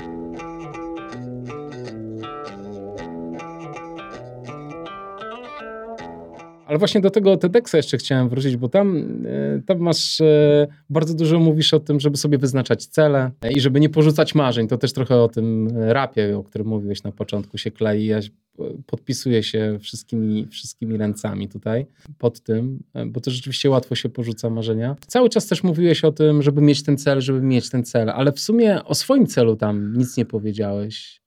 Nie zdefiniowałeś go w jakiś sposób. Ja tak się, słuchałem cię, słuchałem, no, no dobra Adrian, ale powiedz jaki jest ten twój cel. I, e... E, ja nie wiem, czy on jest jakiś jasno Wiesz co, już w wielu czy... miejscach gdzieś tam e, opowiadałem o tym. E, mój cel to jest no. wolność. Od czego? Od wszystkiego. Albo do czego? E, wiesz co, wolność. Wolność definiuje się na wielu płaszczyznach. Zobacz. No. Pierwsz, pierwsza wolność dla mnie to była wolność od nikotyny. To mhm. znaczy, że nic teraz, teraz sobie z tobą bym rozmawiał, gdybym mhm. był palaczem i zamiast się skupiać na tym, co ty do mnie mówisz, ciągle w tle bym miał kurde, kończmy to, bo ja muszę zapalić, nie? Mhm. To jest, to jest wolność, bo teraz mogę moje myśli skupiać gdzie chcę. E, nie muszę, wiesz, wychodzić regularnie co godzinę, wiesz, na tego papierosa, tylko mogę z czasem robić, co chcę. Więc to jest pierwsza wolność, nie? Druga wolność na przykład to jest to, jak przeobraziłem e, swoje życie z pracy na etacie w pracę dla siebie. E, to są, wiesz, takie szczegóły, które ja opowiadam, wiesz, jak wieczorem moje dziecko ma gorączkę, to ja nie muszę już się martwić i zastanawiać, że rano muszę zadzwonić do szefa i wziąć e, i prosić go, wiesz, o wolne, on będzie zdenerwowany, że znowu i tak dalej, tylko po prostu zostaje z tym dzieckiem w domu i to jest, wiesz, mega wolność. Czy możemy sobie e, ruszyć, wiesz, ktoś mnie zaprasza do Warszawy na podcast czy coś i ja sobie mogę wejść w samolot, e, wziąć laptop i pracować sobie tu z hotelu i, i przyjechać, wiesz, i nie muszę, wiesz, się zastanawiać, e, czy mi zostały jakieś dni urlopowe, czy w ogóle nie. No to jest druga wolność. I takich wolności jest mnóstwo w życiu, wiesz. E, ja na przykład tak samo mam z sponsorami, wiesz, że na przykład dużo sponsorom odmawiam, bo zabierałoby mi to jakąś tam wolność, nie? Mhm. Czyli na przykład e, są branże, które kompletnie jakby ze mną nie współgrają. Jakbym na przykład podpisał z nimi kontrakt, to bym miał zabraną wolność, bo na przykład musiałbym coś reklamować, czego ja za bardzo nie chcę, albo wiesz, bym miał jakieś rzeczy w kontraktach, że muszę zrobić coś, czego nie chcę, nie? Czyli Ale wiesz, zazwyczaj takie kontrakty chyba na tym polegają, nie? Że nie, coś musi, nie? Nie. A to powiedz, jak, jak wygląda na przykład kontrakt, w którym ty, ty czułbyś się wolny? Na przykład mam taki kontrakt z Nowalika, no. czyli tak, e, robię sobie pięciokrotnego Ironmana, kończę, e, jest jakiś poranek, wiesz, idę się wykąpać, e, i czytam sobie wiadomość, nie? że o, dzień dobry panie Adrianie, gratulujemy sukcesu, chciałabym się zapytać e, tam w, o możliwości współpracy Nowalika, nie? Wchodzę sobie, co to jest Nowalika, na ich stronę, mówię, ty, jakie fajne zupki, 100% bio, warzywa.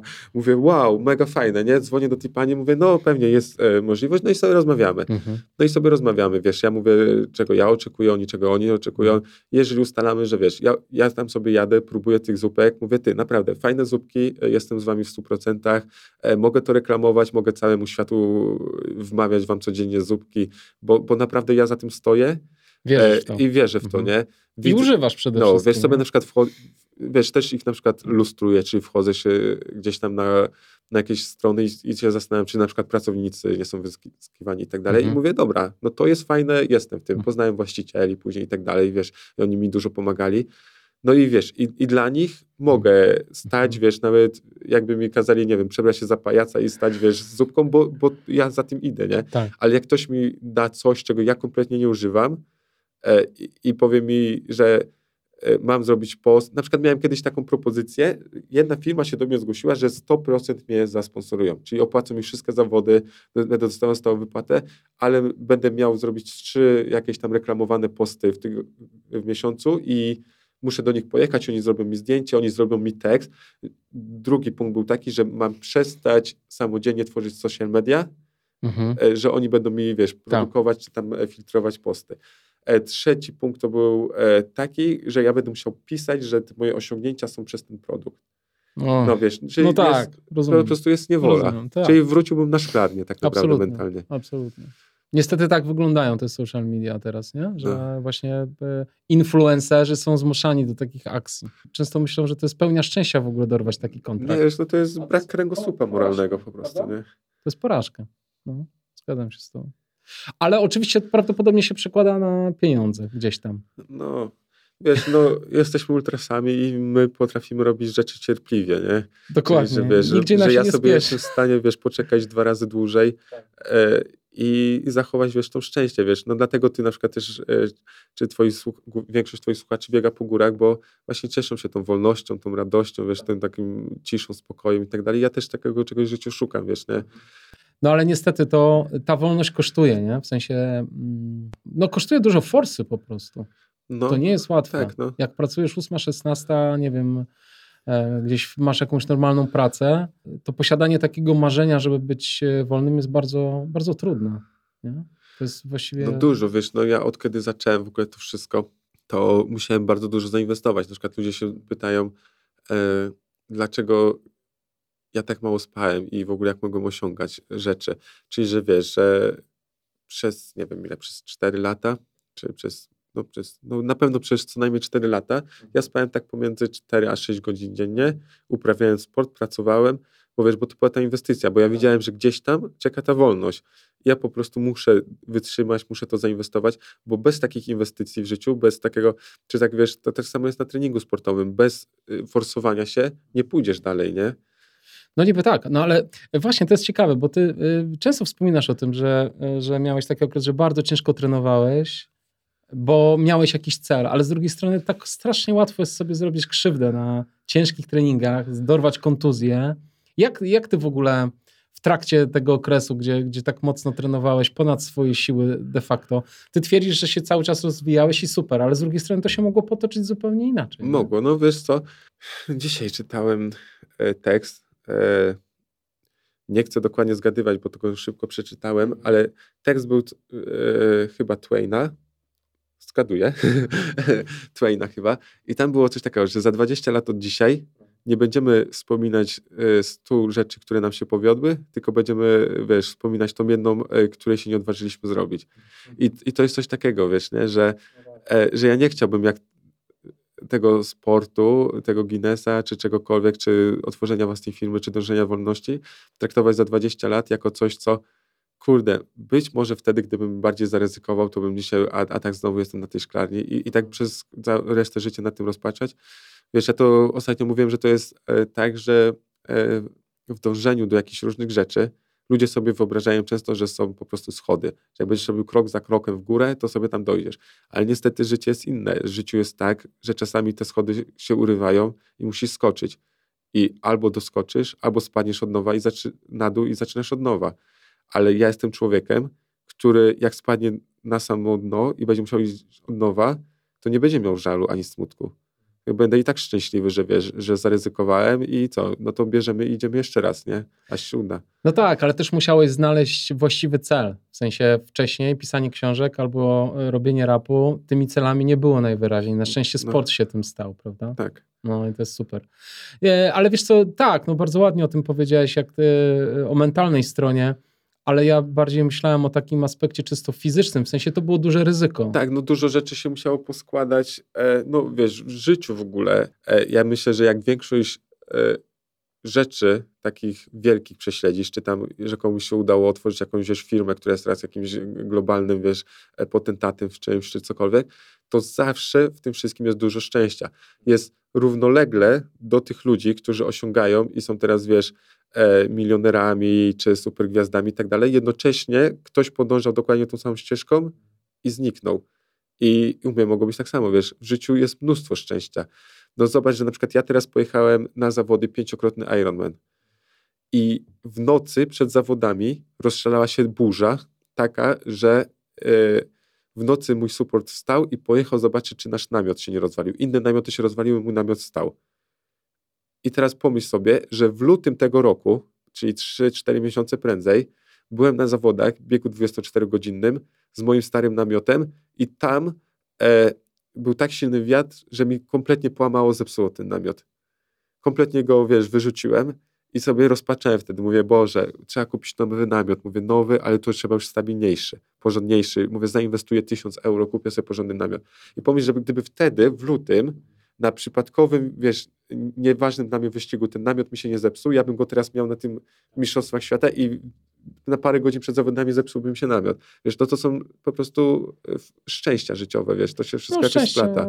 Tak, ale też twoje dobre decyzje. Nie? Że no. też nauka, którą ty wyciągasz z rzeczy, które ci się przytrafiają w życiu, no to... W ogóle, wiesz, ja to zawsze sobie tak wyobrażam, że w ogóle droga, na przykład, wiesz, jestem sobie tu na początku i tam jeszcze jakiś cel, droga to jest taki labirynt.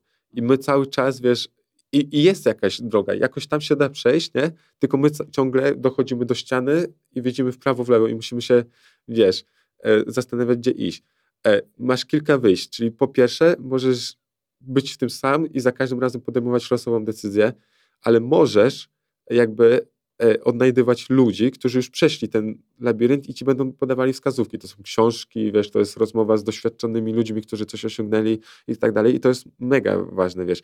Rozmawiać z ludźmi, którzy robili ultra. Ja robię, jak kiedyś chciałem przepłynąć pierwszy raz, pamiętam, 19 km i normalnie piszę do Sebastiana Karasia, wiesz, e, słuchaj, jak ty robisz, że ci okulary nie parują? A robię tak i tak. No i mam, wiesz, tipa. Ja nie muszę tego później odkrywać na 10 y, przypadkowych treningach, gdzie i, i, i wydawać 500 euro na różne, wiesz, sposoby i okulary stary, nie? A jaki to, jest tip? Zdradź go. E, a ci Jeśli powiem, możesz, oczywiście. E, wtedy dostałem e, od Sebastiana taki pomysł na spray, e, anti-content spray i to pomagało. A ci powiem, że teraz po tych wszystkich latach normalnie robię tylko ślina na okulary i okay. ten. I też dobre okulary. Mam teraz dobre okulary, które naprawdę ten mhm. wytrzymują. Mhm. Ponad rok w nich pływam i przepłynąłem 38 km bez w ogóle bez wiesz, zamglenia. Powiedz jeszcze na tym dziesięciokrotnym Ironmanie. Wypływaliście w basecie, w basenie. W basenie, no. A, okay, dobra. A open water kiedyś pływ, No tak, ja w ogóle lubię no, open water, wiesz, mhm. basen to jest w ogóle, e, no właśnie. Wiesz, to jest straszne. No na takich zawodach, wiesz, no nie wypuścisz ludzi, wiesz, no tak, żeby tak. popłynęli 19 km i wrócili, bo połowa nie wróci, nie? Tak. Ale chciałeś kiedyś normalnego Ironmana pojedynczy, pojedynczego? No tak, no. Chciało ci się? Znałeś, że to jest jakieś, jakieś wyzwanie? Nie, w ogóle. Czy to treningowo? Ja tak, raz zrobiłem sprawdzić? oficjalnie, czyli mój mój debiut. E, zrobiłem oficjalnie Ironmana. No a później co roku sobie robię też takie prywatnie, żeby, bo ja mam tak, że na przykład mam półmaraton, maraton, hmm. Ironman. To są takie moje trzy punkty w roku, które ja dla siebie chcę poprawić, żeby wiedzieć, że progresuję co roku, nie? Hmm. Więc sobie robię codziennie, co roku na wiosnę półmaraton, na jesień Ironman i około tam e, między czerwcem a sierpniem jakoś pomiędzy zawodami sobie robię Ironmana e, prywatnie. No i, no i co roku poprawiam te wyniki po prostu tak mhm. dla siebie. A powiedziałem, że o, o, oficjalnego Ironmana zrobię kolejny raz, jak złamię 9 godzin. A ile, jaki masz teraz wynik? E, tego nie mogę mówić, wiesz, bo a. to powoduje straszne kłótnie później w internecie, bo ludzie mówią później, a, a gdzie masz z tego wynik, a gdzie jest jakiś, a. wiesz, e, wykres ze strawy czy coś, wiesz. Aha. Ja prawie nigdy nie używam zegarka, ja nie mam żadnego zegarka, wiesz, nie? I później, wiesz, są kłótnie, ja nie chcę, wiesz, ja sobie to prywatnie dla siebie zrobiłem i okay. wiesz, i nie chcę, ja w ogóle no, na mojej strawie tam się ludzie kłócą, wiesz, bo ja na przykład mam tak, e, że ja biegam z dzieckiem codziennie wieczorem, nie? No. no i biegam z dzieckiem i ja mam w ogóle zegarek, który ma urwany pasek, którego nie mogę założyć na rękę, nie? E, no i tak robię, e, że biorę sobie wózek dziecięcy, włączam sobie bieganie i daję ten zegarek dziecku, żeby się bawiło, nie? I on sobie biegnie, wiesz. Ja sobie biegnę, on się bawi tym zegarkiem, nie? Czasami sobie nim zatrzęśnie. W ogóle jak zobaczysz na cały wykres, nie, to jest zero kadencji i zero tętna, nie? Mhm. Ale na przykład w niektórych przypadkowych momentach to dziecko jakoś tak ruszy tym zegarkiem, że mi kadencję wyłapie, nie? A w niektórych na przykład, nie wiem, dołoży do, do ręki i coś i na przykład pokaże, że tam jest 100 tętne czy coś, nie? No i ludzie później mi komentują, a on nie biegł, tylko rowerem jechał, bo gdzie tu jest kadencja, a co to w ogóle za tętno 110, wiesz, nie? Dlatego, więc wiesz, to jest po prostu no, Ojej, to ja, rzeczywiście wiesz, lepiej nie publikować. Przy, przy tak. takich moich zasięgach to już wiesz, zaczynasz natrafiać na takich ludzi, którzy wszystko skrytykują i wszędzie się czepią. Nie? Tak samo jak ci dzisiaj powiedziałem, że zrobiłem e, taką storkę, jak szedłem do ciebie, że idę dzisiaj do bardzo ważnego gościa i muszę założyć najlepszy ciuch, jaki mam, więc zakładam kurtkę, e, że nie ma nic droższego niż kurtka, za którą dałem 3300 euro. Nie? No i 99% zrozumiało, że to jest żart, że ja dałem tyle za zawody i, i to jest, wiesz, ta kurtka dla finishera. Nie? No ale dostałem już informację, nie, że jak się można chwalić, że tyle pieniędzy wydałeś na kurtkę, a ja tu w, chodzę w ciuchach z Caritasu, a ty sobie, wiesz, wydajesz 12 tysięcy za ciuchy, nie? No wiesz, no ludzie nie łapią takich rzeczy i zawsze, wiesz. No tak, no ale to niestety, przy, tak jak mówisz, przy odpowiednich zasięgach to, to, to zaczyna, no. e, za, zaczynasz uzyskiwać takie komentarze. A ty w ogóle Czytasz komentarze? Przejmujesz się nimi? Jak to ja lubię komentarze czytać. Ja w ogóle lubię wchodzić w interakcję no z właśnie. ludźmi. Tylko ja mam tak, że ja często sobie przewijam, nie? jak widzę komentarze jednolinijkowe, to ich nie czytam, bo to jest gratuluję, super, fajnie, tak. wiesz i tak dalej, nie? Tak. E, ale lubię czytać duże komentarze, tak, czyli że ktoś naprawdę chciał coś tam wyrazić, chciał coś powiedzieć i tak dalej. E, I lubię, nie? Lubię w ogóle wchodzić, wiesz, jakieś interakcje, czy, czy pozytywne, czy nawet negatywne, ale jeżeli to są wartościowe, wiesz, jakieś przemyślane i tak dalej, jeżeli ktoś jest otwarty na rozmowę i tak dalej, to, to mega fajne, wiesz.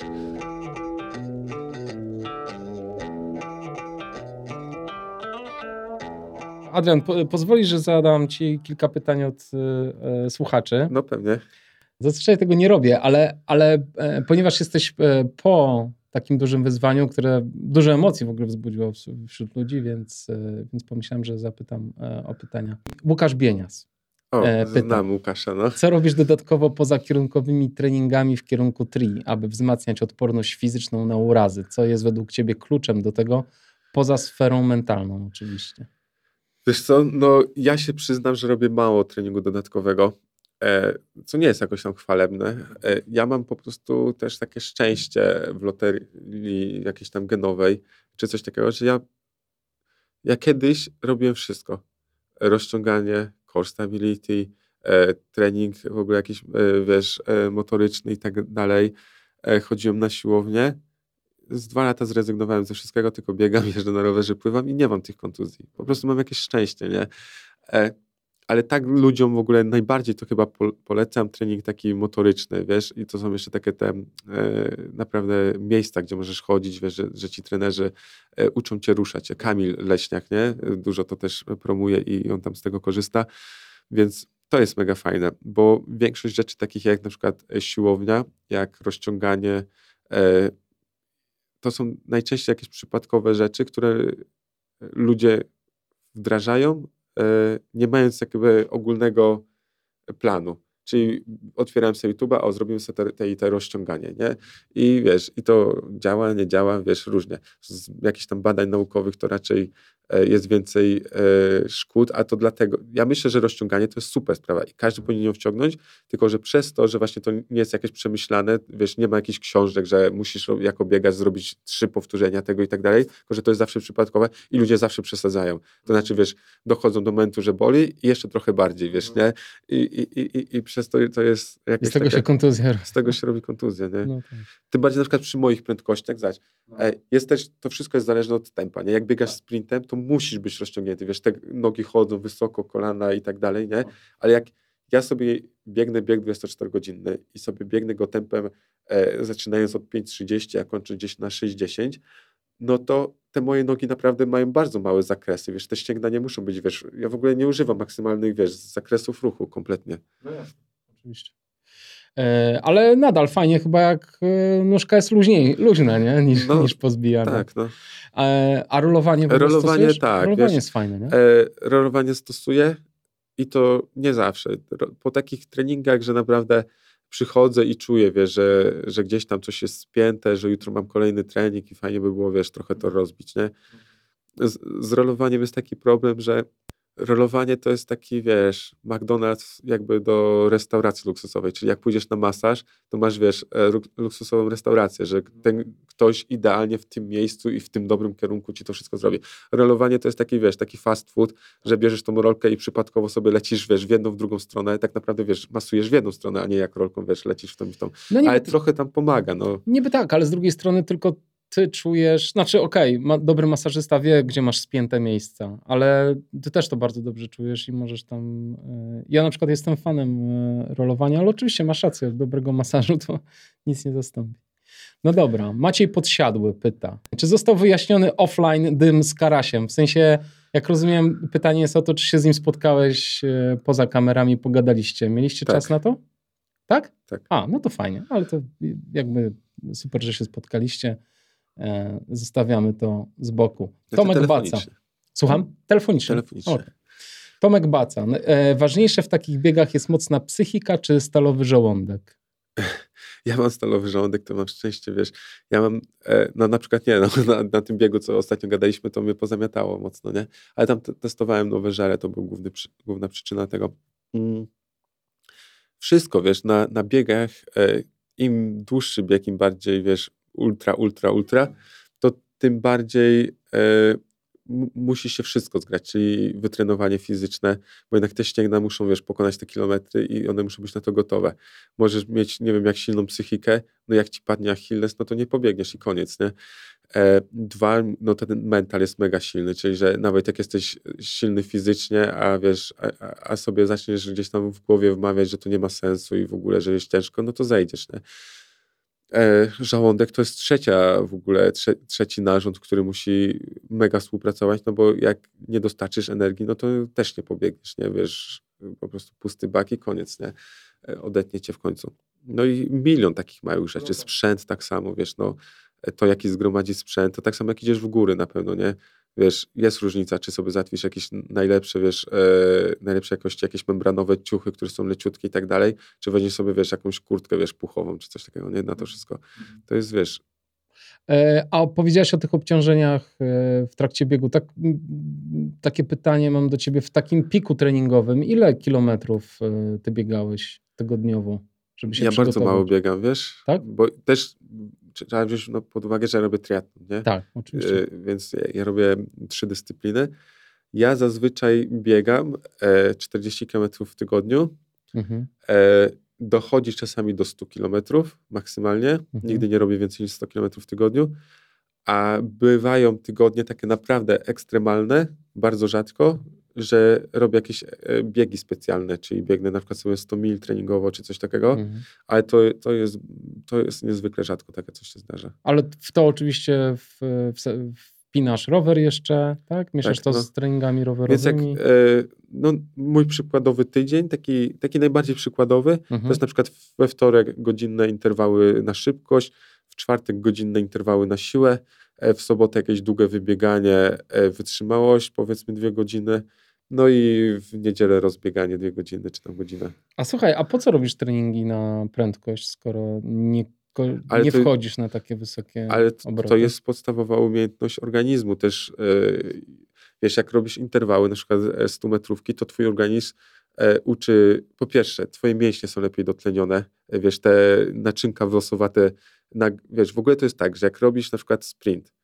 e, 100 metrowy, to coś w twoim ciele umiera jest jakaś komórka mięśnia, która nie otrzymała energii i która nie mogła być wykorzystywana i twój organizm na nowo po takim treningu mówi, dobra, no my to zbudujemy jeszcze raz, ale tym razem trochę lepiej, żeby następnym razem, wiesz, być bardziej y, przygotowany na to, nie? Czyli to jedna sprawa. Po drugie, jak robisz takie treningi, to twój organizm uczy się lepiej odprowadzać produkty, wiesz, jak jony wodoru, kwas mlekowy i tak dalej. Y, No i to jest też potrzebne jednak no zawsze, obojętnie jaki robisz dystans, to to są takie podstawowe umiejętności. To jest tak samo, nie wiem, jakbyś budował, jakbyś był architektem i budował, wiesz, e, super domy, ale musisz wiedzieć, wiesz, jak dwie cegły ze sobą, wiesz, e, szpachlą połączyć tam, nie? No to, to jest takie, wiesz, podstawowa jednostka. Ale jak mówisz o takich interwałach, to właśnie masz na myśli 100 metrówki? Czy, no, masz, no, czy masz na myśli, wiesz, nie wiem, no, 4 kilometry na przykład? Różne, no, no, wiesz, no jest cały rok treningowy, wiesz, na różnych etapach Aha. różne rzeczy robię. No są 100 metrówki, e, no to już jest taka mega szybkość, wiesz, taka wydolność e, ponadtlenowa. E, są e, takie szybkości techniczne bardziej, czyli takie 400 metrów wiesz, do, do kilometra, mhm. ale też są szybkości wytrzymałościowe, czyli na przykład 2 razy 7,5 kilometra. Mhm, mhm. Dobrze.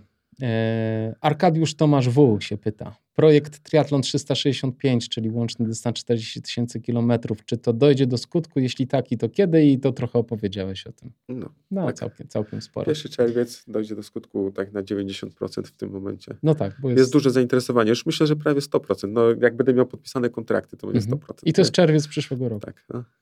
Michał Waniur e, pyta, czy będziesz jeszcze raz robił podejście do 10 razy Ironman? Tak, w dalekiej przyszłości na razie, bo na razie nie mam czasu właśnie przez te moje przyszłe wyzwanie, ale tak, bo ja już na treningu zwyczajno zrobiłem lepszy czas niż na zawodach, więc jest taki niedosyt, że ten wynik powinien być e, z mojej strony lepszy. E, Jarosław Szczurko, czy krążenie, no, trochę ja się chyba o to pytałem.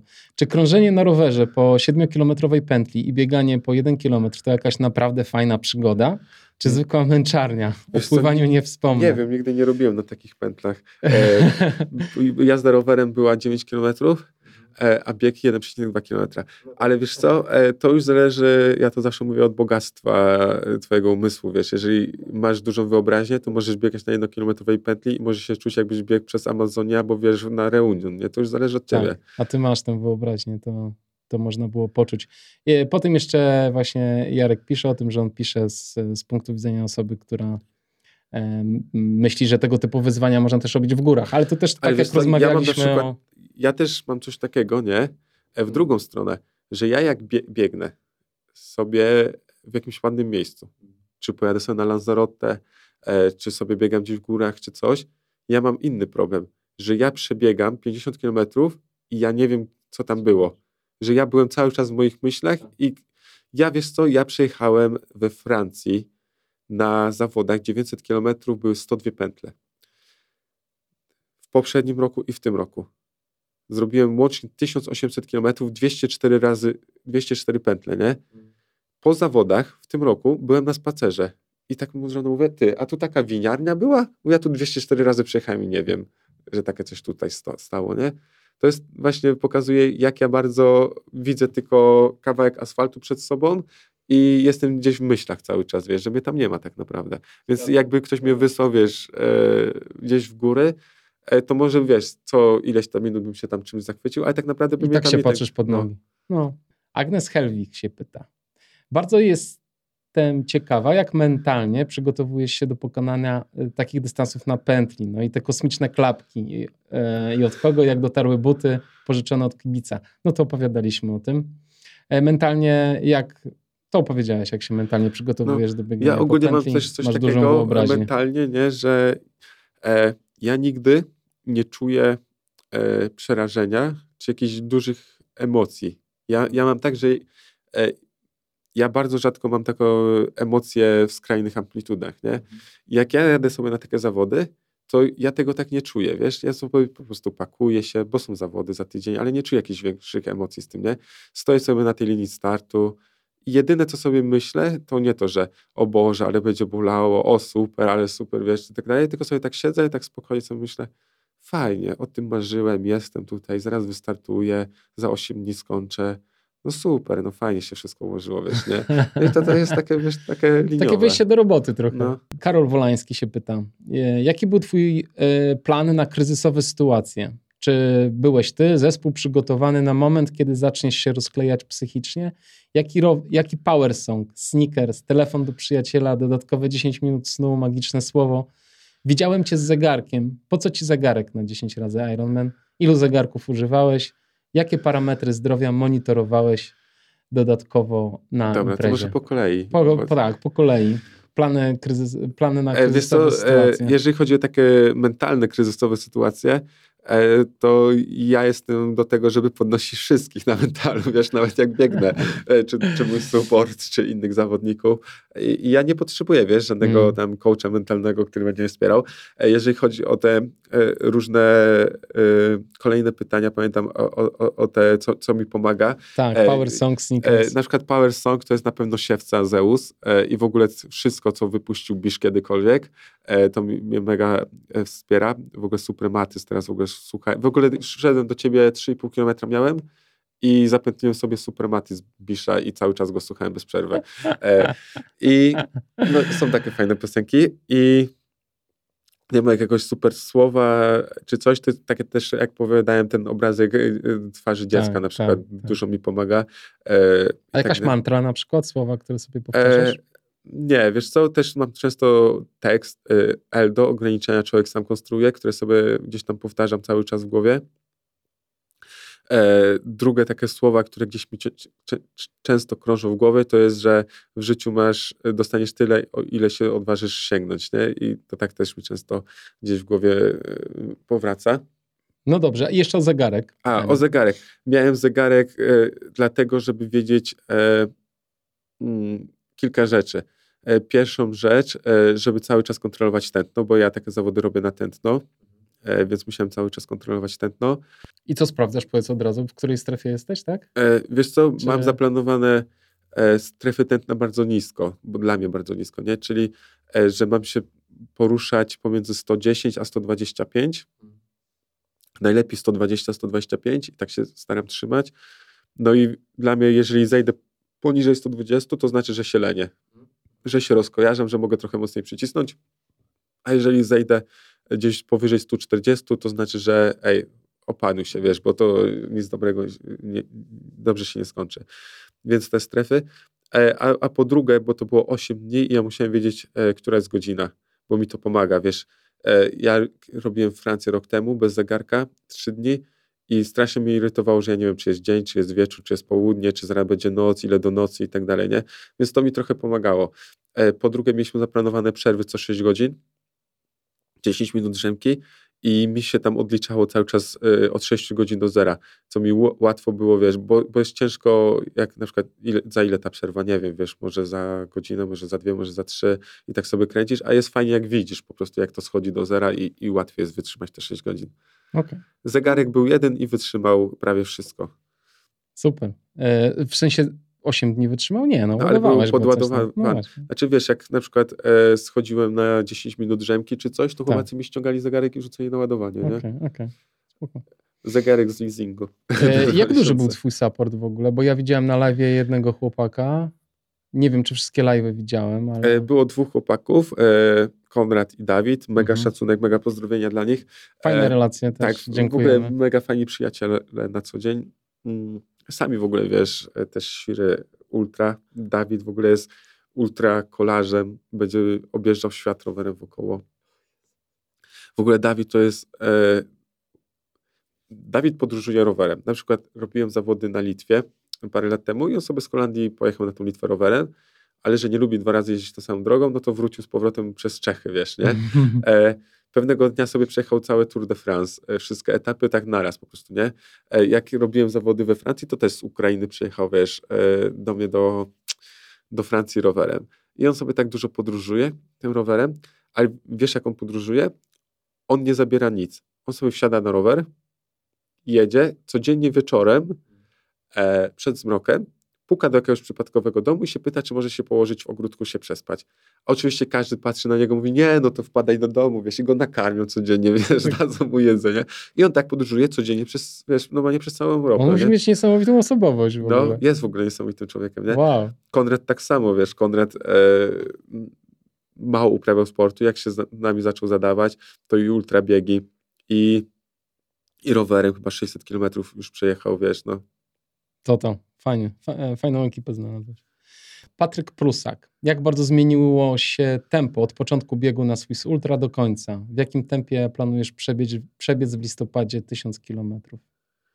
E, Ale to może to pierwsze pytanie. Czy... E, na Swiss Ultra, wiesz co, nie wiem, bo Ciężko jedna z tych powiedzieć, rzeczy, które monitorowałem, to nie było tempo. Bo wiesz, jeżeli na co dzień biegasz takimi tempami typu 3.30 do 5.0, e, czy tam jakieś super wolne biegi po 5.30, to psychicznie ciężko by było znieść, jakbyś widział na tym zegarku 7.30, 8.30, to, to, to męczy, nie? Więc tempa w ogóle, wiesz, nie widziałem, nie patrzę, nie? Nie wiem, jakie było tempo poruszania się, wiesz, w ogóle tam jest ciężko to określić, no bo na przykład jak biegłem w laczkach, to musiałem iść przez żwir, więc ciężko by było wyliczyć, jakie, wiesz, tempo było na asfalcie, a jakie na żwirze, po jakieś zatrzymanie się, tu drzemka, wiesz, no to tak się nie liczy, to po prostu liczysz y, mniej więcej w ile zrobisz maraton i my tak robiliśmy maraton gdzieś chyba w 6 godzin, coś takiego. Mhm. Okej.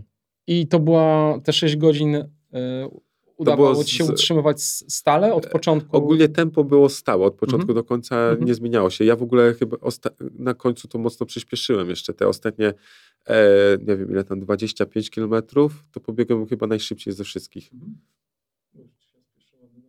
E, wiesz co, bo to tak było, e, ja tak mam zawsze, wiesz, ja to tak mam, że w pewnym momencie mówię sobie, a nie muszę się śpieszyć, ten rekord świata sobie zrobię bez problemu, już mogę sobie odpocząć. I pamiętam, że tak było na, na tym zawodach, nie? Że, e, że w pewnym momencie stwierdziłem, że jestem tak dużo przed czasem, że mogę już sobie wychillować się, nie?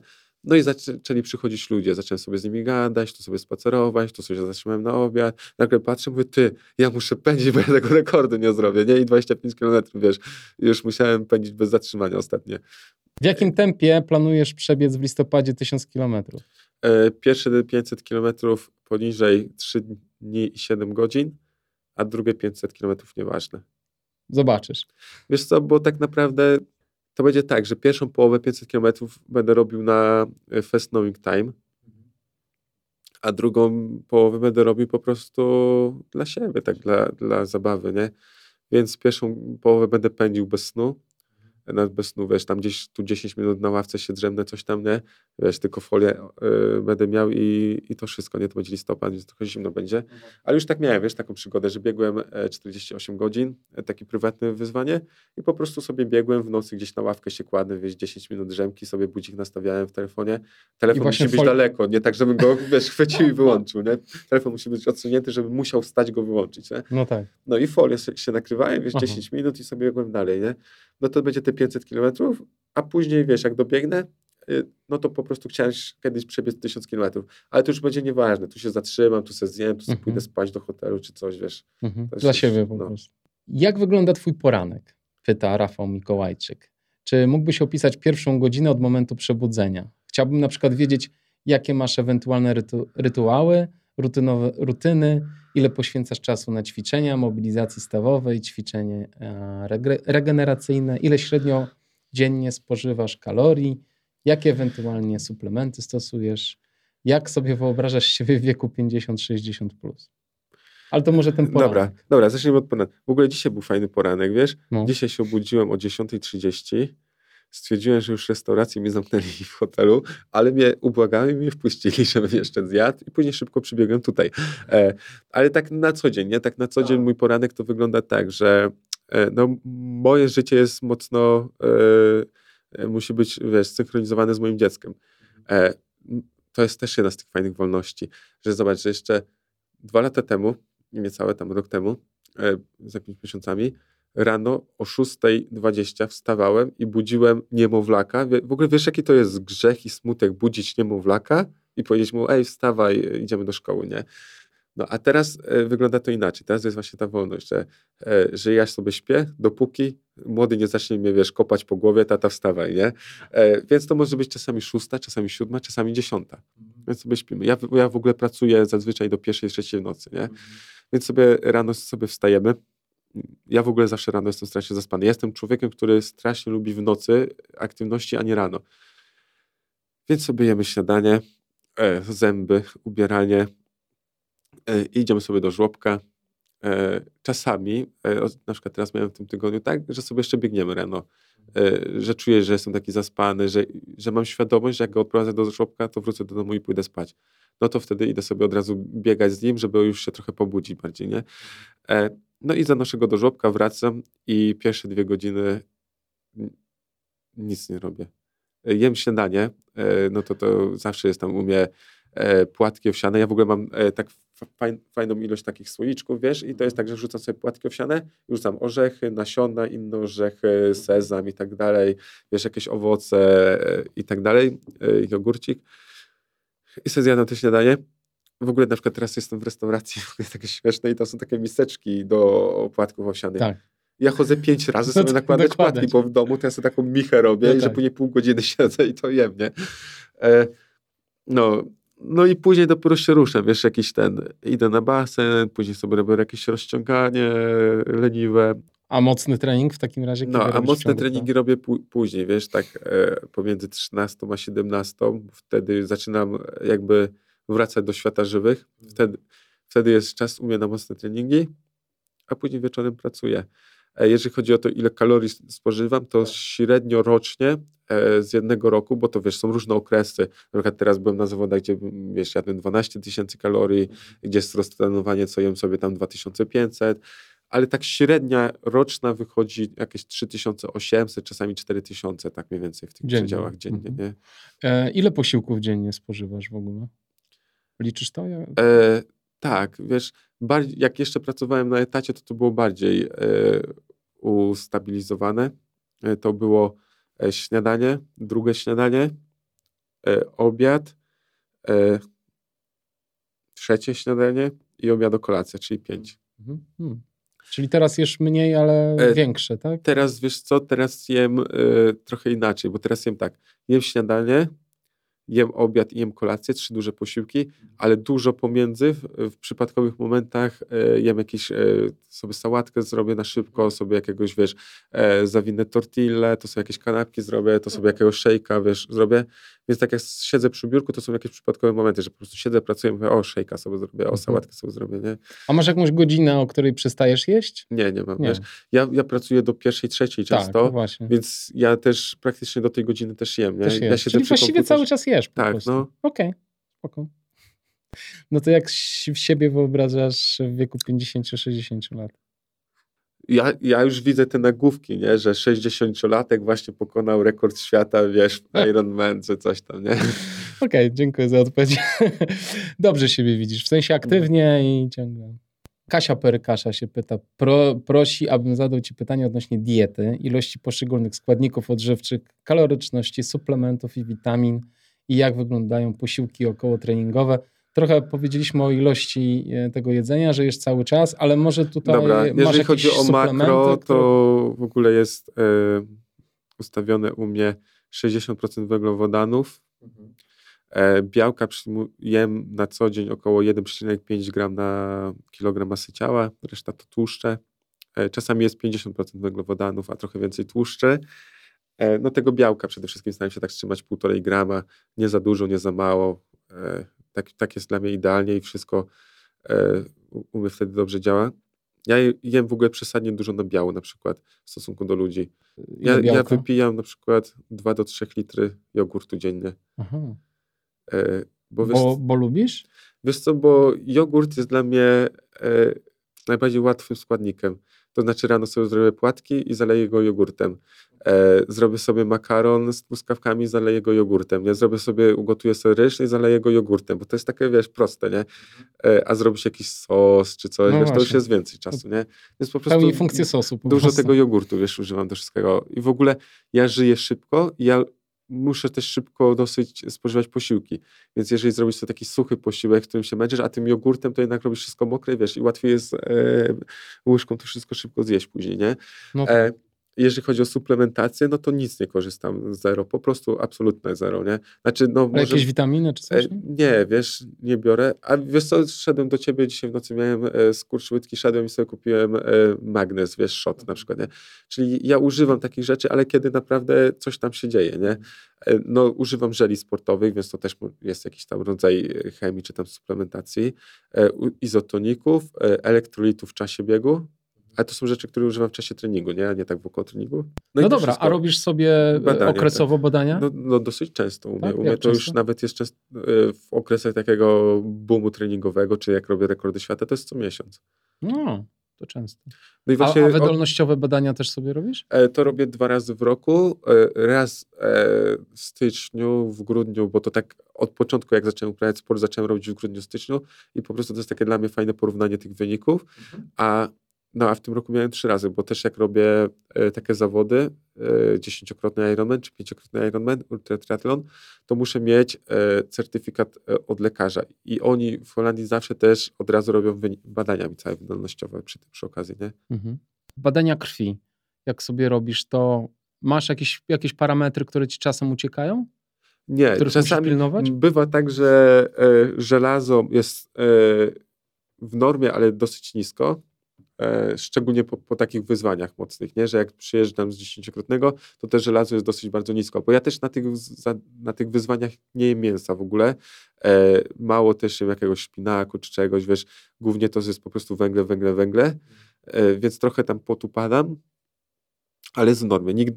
No i jeszcze druga wartość, która jest zawsze zła, ale to wiem dlaczego, bo jem dużo słodyczy, to jest także tych, e, jak są te tłuszcze, cholesterole, to mam ich dobrze każdego, ale stosunek ich do siebie jest słaby. Czyli mam trochę za dużo tego złego w stosunku do dobrego. Mhm. No ale ja uwielbiam czekolady, więc po prostu ja jestem pogodzony z tym. Ty w ogóle widzę dużo jesz węglowodanów, a romansowałeś kiedyś ze spalaniem tłuszczy, a nie, a nie węgli? E, Miałeś jakiś okres, że próbowałeś? Nie, wiesz co, ja wiem, że ogólnie w ultra e, takim normalnym ultra, wiesz, tam powiedzmy do doby e, czy do dwóch, e, to warto przejść na tłuszcze i to się bardziej opłaca, nie? Ale jak ja robię rzeczy ośmiodniowe i chcę robić wiesz, 100 Ironmanów, to ja nie mogę zbudować magazynu sobie, bo ten magazyn musiałby mieć ze 100 kilo. Więc ja muszę się uzależnić od zewnętrznego baku, a zewnętrzny bak to jest, wiesz, żel podawany co 10 minut dla mnie, nie? Więc ja sobie startuję chudy, e, bez rezerw żadnych, i tylko po prostu regularnie co 10 minut ktoś mi podaje, wiesz, węgle, którym się podładowuje i, i lecę dalej. Ale minus jest mój taki, że jak ktoś mi zabierze te węglowodany, to ja jeszcze polecę godzinę, dwie i padnę. No tak. I ktoś mnie znajdzie gdzieś tam w rowie leżącego. No tak, no ale to robisz e, w takich warunkach kontrolowanych no, zawsze, tak, prawda? No. Więc raczej marne są szanse. No że... i właśnie jak ja robię sobie prywatne tak. E, biegi gdzie muszę dźwigać wszystko, to ja muszę dużo wziąć. Ja naprawdę biorę ze sobą mnóstwo jedzenia nie, w ten mhm. plecak, żeby to przeżyć. To ile waży ten plecak?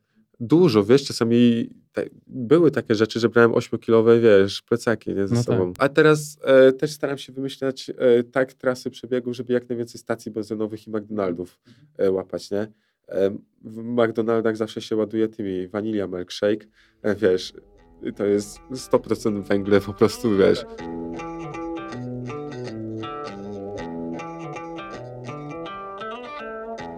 Dobrze, Adrian, chciałem Cię jeszcze na koniec zapytać o rywalizację, bo to jest ciekawy temat moim zdaniem, bo e, w ultra, zwłaszcza w ultra triatlonach, to jest, ja mam takie wrażenie, że, że e, to jest trochę tak, że do tych dyscyplin nie trafiają. E, tam nie masz, znaczy to jest tak, nie, nie chcę, broń Boże, żeby to zabrzmiało, ale źle zabrzmiało, ale, ale nie startują tam zawodnicy bardzo szybcy którzy na przykład są no super dobrze, szybcy no to, no tak na, na, no. konie, prawda? No tak, no.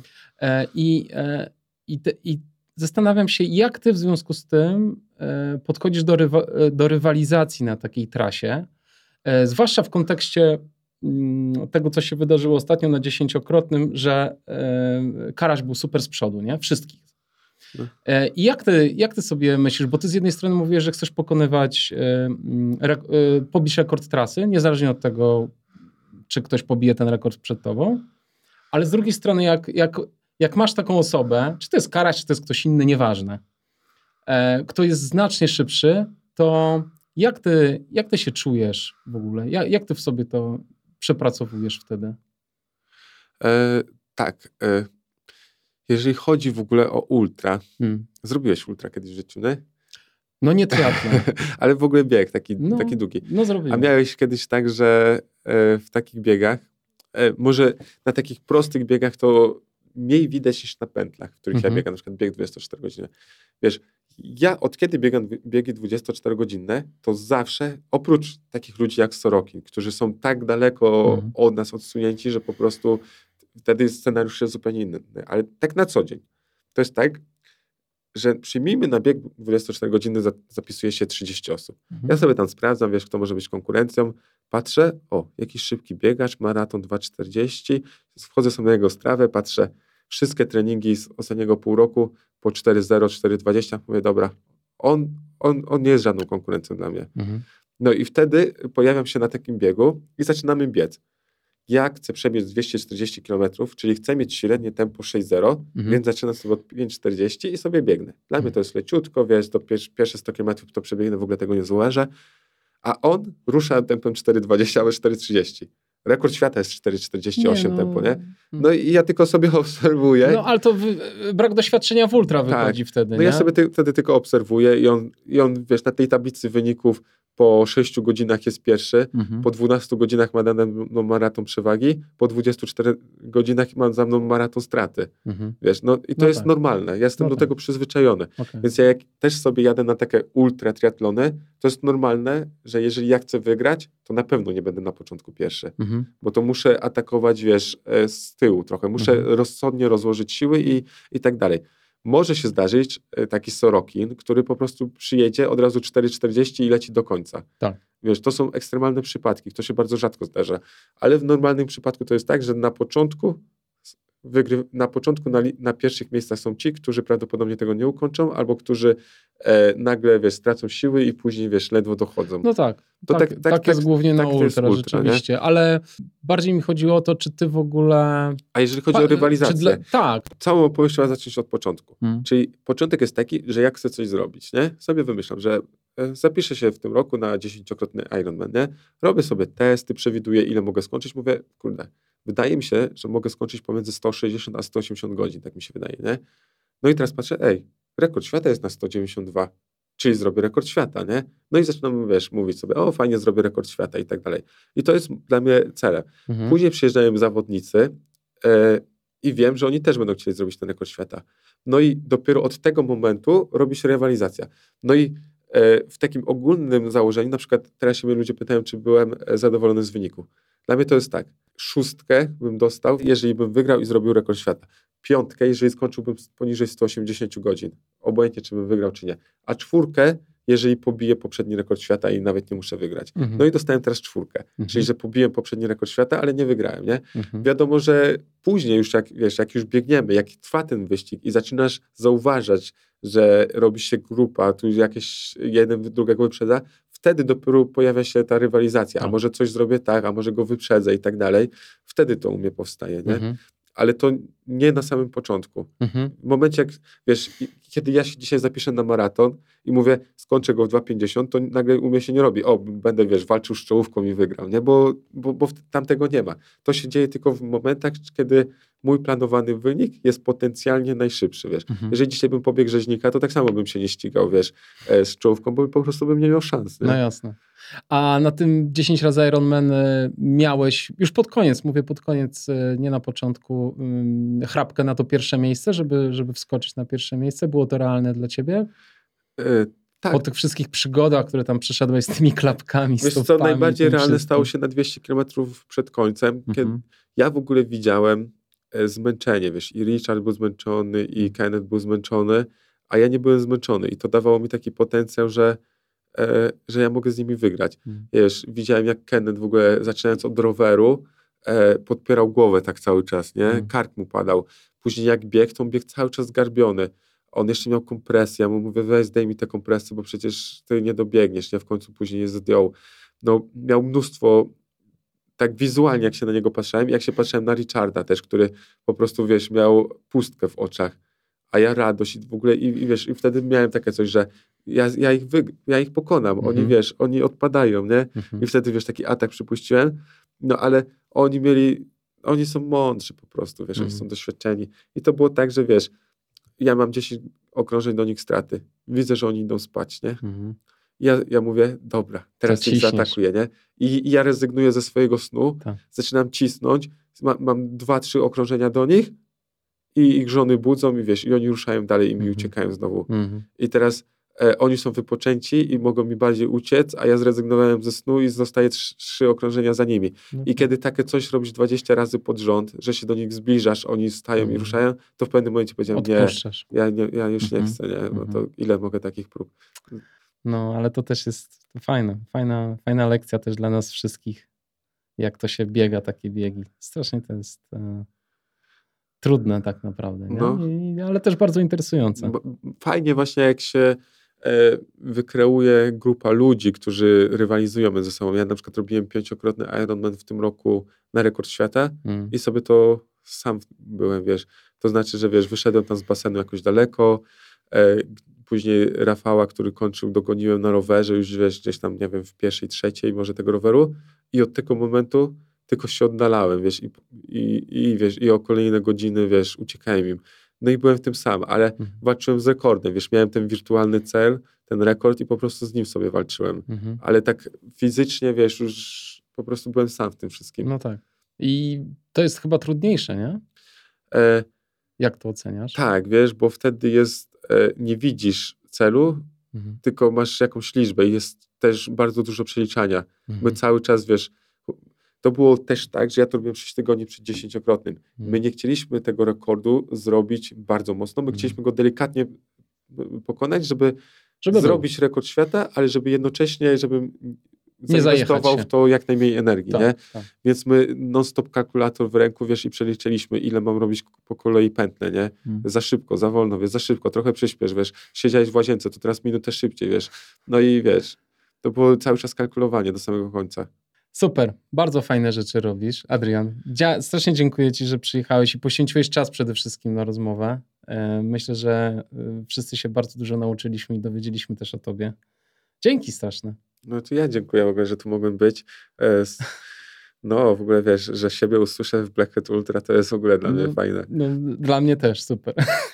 dziękuję Ci bardzo. E, I co, czerwiec, e, Polska, znaczy najpierw to tysiąc kilometrów. Najpierw jeszcze, 1000 tak? km, 7 listopad, później... le- Ale tam u siebie będziesz, w Holandii. W Holandii, tak to. Mhm. Dobrze. Jejku. Mam nadzieję, że dojdzie do tego, e, do tego rocznego Ironmana. To będzie ciekawe. To będzie takie dla mnie ten, taki punkt kulminacyjny, że jak to osiągnę, to Mhm. już nic nie będę musiał i będę mógł sobie robić jakieś fajne rzeczy dla zajawki tylko już. I wtedy pobiegniesz rzezinka.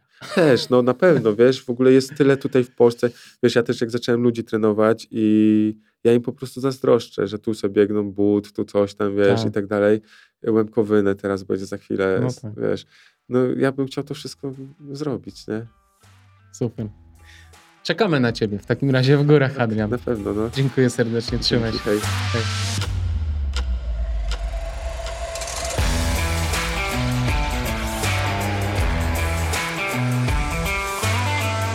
Jak słyszeliście, Adrian ma mega mocny charakter i głowę. Wie czego chce i idzie po swoje. Bardzo inspirująca postawa, która na pewno pomoże nam zwlec się z łóżka i ruszyć na trening. Gdy przygotowywałem się do spotkania z Adrianem, słuchałem innych podcastów, y, które nagrał, a przede wszystkim słuchałem Black Hat Team, który Adrian zarejestrował rok temu. Po pierwsze, widać, jak bardzo Adrian się zmienił i nabrał pewności siebie, a po drugie, jego przekaz jest tak inspirujący, że ciężko mi było utrzymać założone, wolne, jednostajne tempo tego treningu. Ciągle mimowolnie przyspieszałem. Trzymamy kciuki za ciebie, Adrian, i za twój projekt Triathlon 365 dni i za zdobycie tego upragnionego rekordu Guinnessa. Drodzy patroni, dziękuję Wam serdecznie, że ciągle dołączacie do grona wiernych słuchaczy tego podcastu. Od ostatniego odcinka przybyło aż 57 osób i gdy czytam te słowa, to szanowne Wasze grono liczy już 494 osoby. Czyste szaleństwo. Mam nadzieję, że gdy usłyszycie te słowa, ta liczba już przekroczy 500. Dzisiaj chciałem wymienić szanownych patronów, którzy wspierają podcast kwotą 34 zł. Do tych osób należą Mariusz Kwaśniewski, Jarek Turiw, Mateusz Wanat, Jakub Kruker, Tomasz Kacymirow, Karolina Czarnacka, Michał Janiak, Marcin Lisowski, Dawid Klabisz, Maciej Anonimowy, Piotrek Zetor, Piotr Rupik, Maria Damps, Michał Sitarek, Jacek Szymborski, Izabela Wyrwas, Sławomir Krępa, Agnieszka Okoniewska, Ilona Hibner, Dominika Cieślak, Konrad M., Anna Cygan, Jan Wysokiński, Daniel Pluta, Drwal z Kanady, Marcin Mąka, Piotr Zieliński, Bieta Chryń-Morawska, Adam Czajkowski i Maciej Kołek. Dziękuję Wam, moi drodzy, bardzo serdecznie z całego serca. Oczywiście dziękuję wszystkim patronom za wsparcie. Najpopularniejszy próg to 5 zł. Wiem, że to bardzo nisko ustawiony próg, ale liczę na to, że gdy osoby na tym progu polubią ten podcast, to wejdą na wyższy poziom wsparcia, pozostawiając miejsce dla nowo przybyłych i sprawdzających.